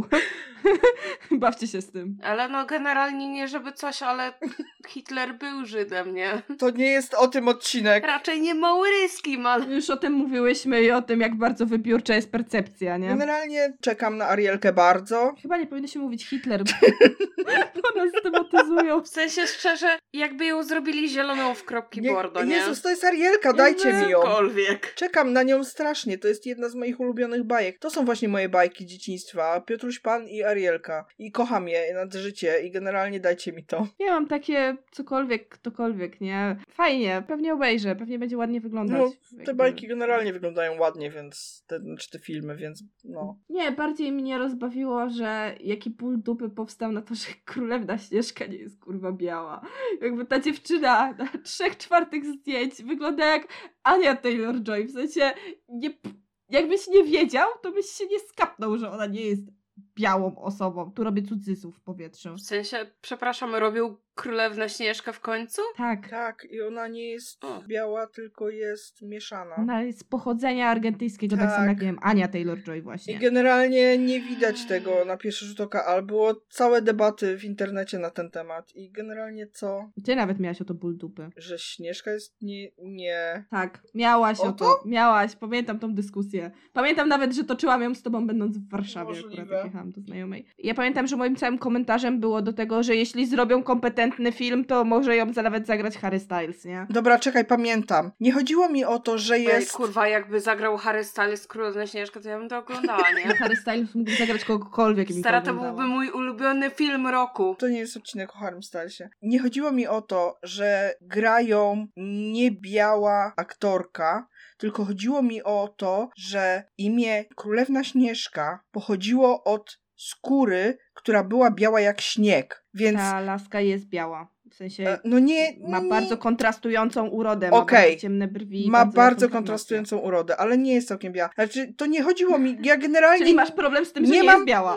nie mam problemu z tym, niech ją gra nawet czarnoskóra Stara, osoba. Ale No, właśnie to powiedziałaś. Nie, nie chodzi mi o Ale to, tylko nie, nie robię nie, imby, dobra. nie, to nie, nie. chodzi o to, że ona nie jest biała, tylko o grę słów. Sara, nie jesteś w stanie obronić tego argumentu. Ale Nie chodzi mi o to, że jej jest biała, ale chodzi mi o to, że jej imię pochodziło od tego, że jest biała, a ona nie jest biała. No tak to brzmi. jak to tak w, w ten sposób to ujmujesz, to tak brzmi, ale to nie o to mi chodzi, absolutnie. Niech ją zagra nawet fioletowa osoba. W sensie, no ja rozumiem o co ci chodzi. W sensie rozumiem, że tak historycznie jej imię pochodziło od tego, że jej skóra była biała jak śnieg, ale no jej skóra jest biała, więc to, że ona pochodzenia jest jakiegoś tam kurwa jakiegokolwiek, no to cokolwiek. Ja myślę, że to, że ona ma tak kontrastującą ze sobą urodę, to jest tak samo jak w przypadku tego, że kurwa jakiś debil napisał, że Ania Taylor-Joy jest woman of color, ponieważ jej rodzice pochodzą z Argentyny. I to było dla mnie po prostu takie bro, you miss the point. I tak jest dokładnie z tym castingiem. Jakby ten film robi Mark Webb, więc e, człowiek odpowiedzialny za ostatnie Spider-Many. Więc ja mam takie jakby jeśli, ale to pomysł, jeśli uznał, że ta osoba jest najlepsza do zagrania tej roli, to utwór dem, krzyż na drogę, byleby to nie było jeden do jeden, proszę. No i jeżeli nie będzie jeden do jeden, to super, nie? Ale obawiam Tak, się... Historia pochodzi z lat dwudziestych, dobrze pamiętam. Ale mówisz o bajce Disneya, czy mówisz o oryginalnej historii? Nie no, z obajce. No to, to była pierwsza długometrażowa bajka Disneya, nie? No to lata dwudzieste. Pierwsza ever. Z tego co pamiętam, nie? Dwudziestego wieku. No jakoś nie chcę się wypowiadać, bo nie pamiętam. Jakby mój jedyny komentarz do tego to jest o, ból dupy o kolor skóry. Hm, nowe nie Znaczy, znałam. ja generalnie najbardziej się boję, jeżeli zaczną kiedykolwiek realizować dzwonnika z Notre Dame. Wiem, że już słyszałam w tym odcinku, tak, zresztą, że już chodzą o tym jakieś słuchy. Mhm. Po pierwsze, nie. Castingowanie bardzo przystojnego aktora i robienie mu sztucznego garba nie działa. Ale on nie był przystojny, więc ja nie rozumiem castingowania przystojnego aktora, serio. No ale to wiesz, no to na takiej samej zasadzie jak we wszystkich Hannibalach jako czerwonego smoka castingują jakieś kurwa duperki, nie? Oj tak. Bo masz takie, bo po- potrzebujesz Mm. zrealizować swoje kolejne daddy issues koło tych pierwszych daddy issues, które grają Hannibala, nie? Końcówka sezonu Zoos. Daddy issues. Eee, tak. Tak, ale no to wiesz, no na takiej zasadzie boję się poza tym, jeżeli w historii dzwonnika z Notre Dame faktycznie mamy jednak wz- wziąć pod uwagę to całe empatyczne podejście, tak? I powinno to być jednak w jakimś stopniu historia osoby, która no, pewnym sensie niepełnosprawna, tak? Mhm. No nie no, powinni zatrudnić osobę z niepełnosprawnością do grania tej roli, nie? Kropka. Mamy XXI wiek. Kurczę, niech zatrudnią osobę, która po prostu, nie wiem, ma stwierdzoną niepełnosprawność, bo nie wiem, kurwa, jąka się i nie jest w stanie tego wypracować, tak? Nie no, mm, Albo kurwa ma mniejszą jakąś taką niepełnosprawność, której nie widać, ale no zacznijmy faktycznie zmieniać to kino, tak? No, z tym będzie problem. Nie zatrudniajmy pięknych, sprawnych ludzi, typu kurwa Colin Farrell, żeby zagrał koniecznie tego jednego faceta bez ręki. Bo Jezus. kurwa nie ma żadnych ludzi, którzy nie mają rąk na całym świecie, którzy chcieliby być, być aktorami. Ani jeden się kurwa nie znalazł. no ale wiesz, można zrobić film o spektrum autyzmu i nie zatrudnić żadnej osoby ze spektrum autyzmu, żeby przy nim pracowała, więc... No, e, tak, tak, Dobra, dokładnie. Pozdrawiamy dzieci ja. Pozdrawiam. Więc e, tak. W sensie rozumiem chęć zatrudnienia jakiejś ładnej osoby, żeby dużo ludzi przyszło na ten film, ale no kurczę, oglądałam ostatnio z tych takich filmów, które są właśnie o niepełnosprawnościach. You Before Me? Me Before You. No Mhm. co? Z Emilią Clark. Tak, z Emilią Clark i tym ziomkiem, co grał Finnika. To jest mój ulubiony opis tego filmu. Sam Claflin. Tak. Ale w ogóle to jest dokładnie to. Znowu wzięli zajebiście hot typa do zagrania tej roli, ale no... Mm, ej, ja rozumiem, że patrzcie. każdego człowieka mogło to na świecie trafić, ale nie, naprawdę nie ma ani jednej osoby na świecie, która jest na wózku, Obsada nie ma... sex, no Education. Po prostu jest na wózku, Halo, tak? No da nawet- się. Jakby, No. wow, da się, nie? Da się zatrudnić osobę z niepełnosprawnością do zagrania wyrazistej, charyzmatycznej postaci. Nie widziałam jeszcze trzeciego sezonu, ale lubiłam tą postać w drugim, nie pamiętam jak się nazywa. Ja też nie. Przepraszam. Że wam przerwę, ale wiecie, że edukujecie teraz. To nie Tak. jest o tym odcinek, nie? Okej. Nie, Sama to wpisałaś. Mówcie dalej. Coś miałam jeszcze powiedzieć. Dobra, to yy, na koniec. Jakby mieli robić live action Drogi do Eldorado, kogo byście widziały w rolach głównych? O mój Boże. Jezus, takie trudne rzeczy mi zadajesz. Ojej. O Jezus Maria, stara, to przepraszam, to, to jest kurwa pytanie mojego życia, to ja teraz nie wiem, ja potrzebuję się zamknąć sobie na dwa tygodnie, przemyśleć to. Bo ja bym chciała tylko wyjść powiedzieć, Z dwutygodniowego bujania się do przodu i do tyłu. Nie mogłaś tego mi powiedzieć, nie wiem, kurwa, przed urlopem? Właśnie. Dlaczego nam nie powiedziałaś tego wcześniej, żebyśmy się przygotowały? ja wpadłam na to, jak zaczęłyśmy rozmawiać o drodze do Eldorado przez chwilkę. Jesus. Takie trudne rzeczy. No. Ponieważ ja mam casting na Chell Dajesz. i jest to Anna de Armas. O tak. I Ona pasuje. to jest objawienie dla mnie, bo ona po prostu w Bondzie miała tak uroczą, zabawną i hot rolę, że ja miałam takie... Teraz właśnie mnie, na, miałam takie olśnienie, że Jezus Maria, tak. to, to jest mój perfect No, casting. no, Kropka, tyle, tyle no. jestem w stanie w tym no. momencie skastingować z głowy. To może zatrudnimy do tego naszych słuchaczy. Niech oni nam napiszą, kogo widzą w e, castingu na drogę do Eldorado. Tak, właśnie, bo jakby to jest rzecz, o której się za mało mówi, czyli powinniśmy zrobić live action Drogi do Eldorado, bo to jest najlepsza rzecz na świecie. Kurwa, kto zagra konia? Boże, jak ja dawno nie widziałam Drogi do Eldorado, muszę to nadrobić. Stare, ja drogę do Eldorado oglądam regularnie, więc... Ja też muszę nadrobić. O tak.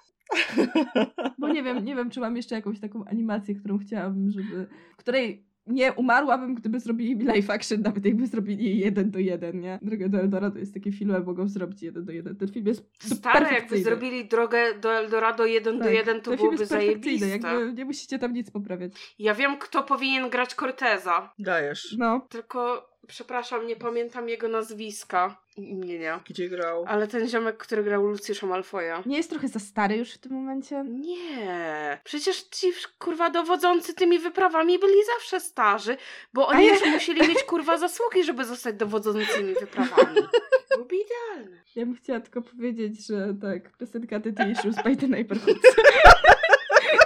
Gra sobie subtelnie w tlenie. Odnośnie Lucjusza Malfoja. O, Boże święty. My daddy will hear about it.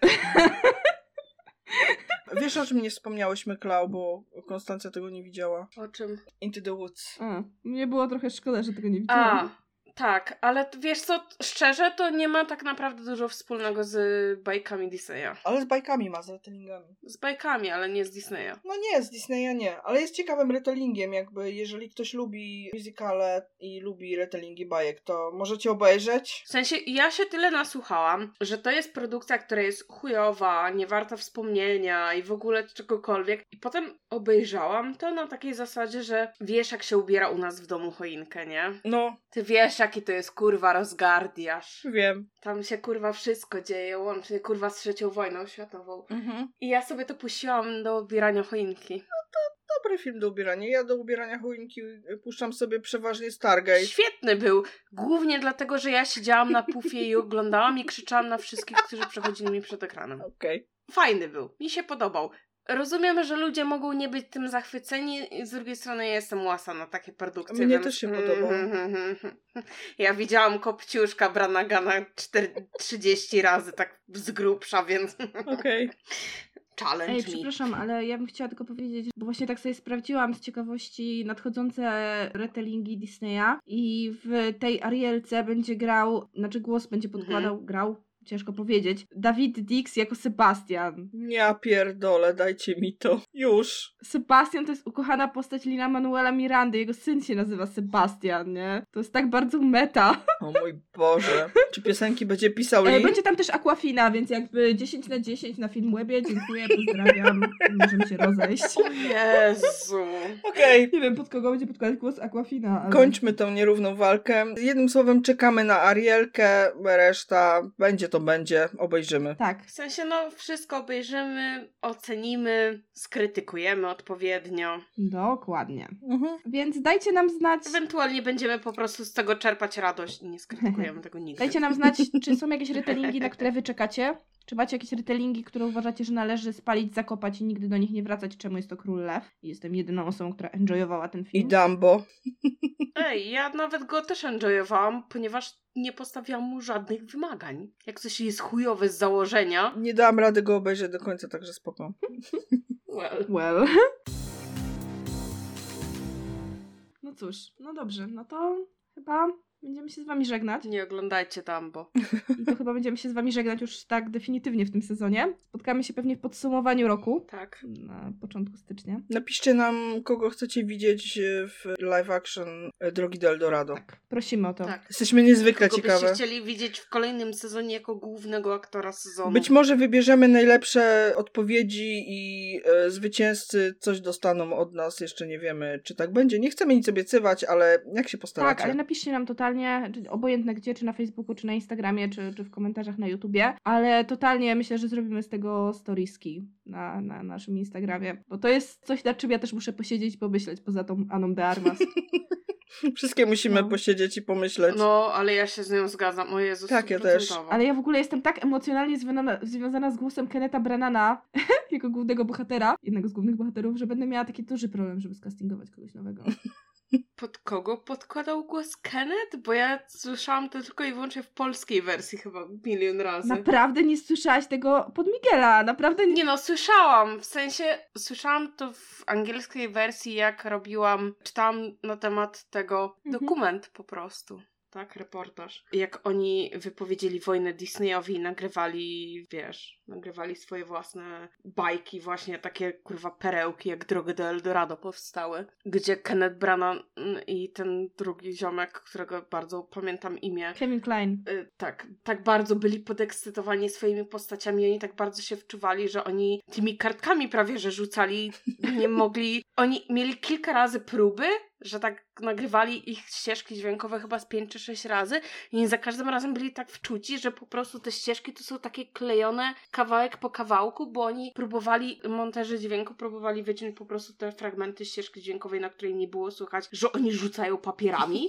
To jak e, moje montowanie odcinka o Lokim, kiedy Sylwia co drugie zdanie uderzała szklanką o stół. Tak jak moje montowanie połowy odcinków, kiedy Klaudia się kiwa na krześle i raz słychać ją ciszej, raz głośniej. Cicho siedź, teraz już się nie kiwam jak gadam. Nauczyłaś się wreszcie. Więc tak, y, ustalmy. Droga do Eldorado, najlepszym filmem animowanym.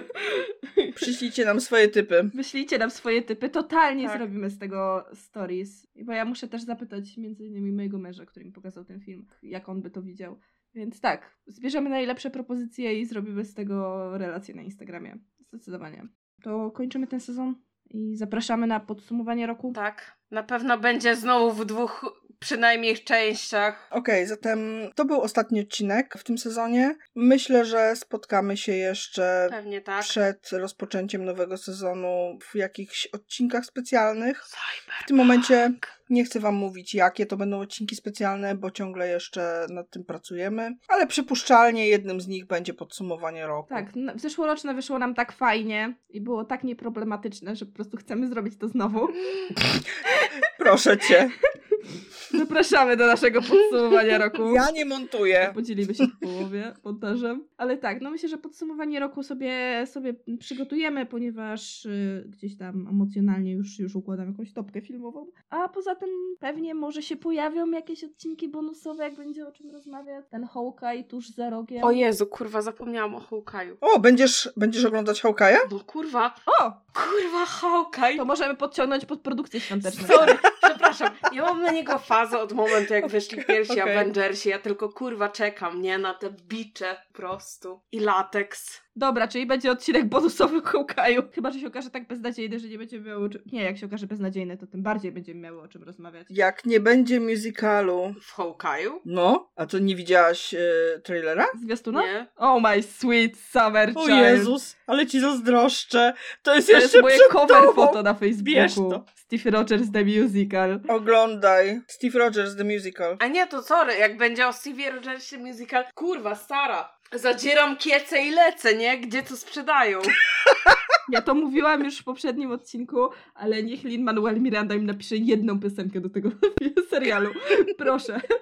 Niech on to zrobi. Niech im kurwa napisze chociaż tekst. Ja to już też mówiłam w poprzednim odcinku, ale dajcie mi to chociaż jedną scenę. Dobrze, ale tak, może wrócimy w odcinku o Hawkeye'u. Na pewno wrócimy w podsumowaniu roku, a tymczasem no dziękujemy wam za ten sezon. Bardzo. Tak, polecamy się na przyszłość. Zostańcie z nami. Tak, cały czas będziemy aktywne na naszych social mediach, więc jakby odsyłamy tam. Możecie do nas pisać, możecie nas lajkować i nie zapomnijcie o nas w czasie, kiedy nas nie będzie. Dzięki, do usłyszenia. Przypominamy o zaglądaniu na nasze social media. Jeśli podoba Wam się to, co robimy, możecie polecić nas znajomym, zostawić subskrypcję, polajkować nas na YouTubie albo ocenić nas w Apple Podcasts. Będzie nam bardzo miło. Dziękujemy. Do usłyszenia niebawem. Zrzędziły dla Was Klaudia, Sylwia i Konstancja.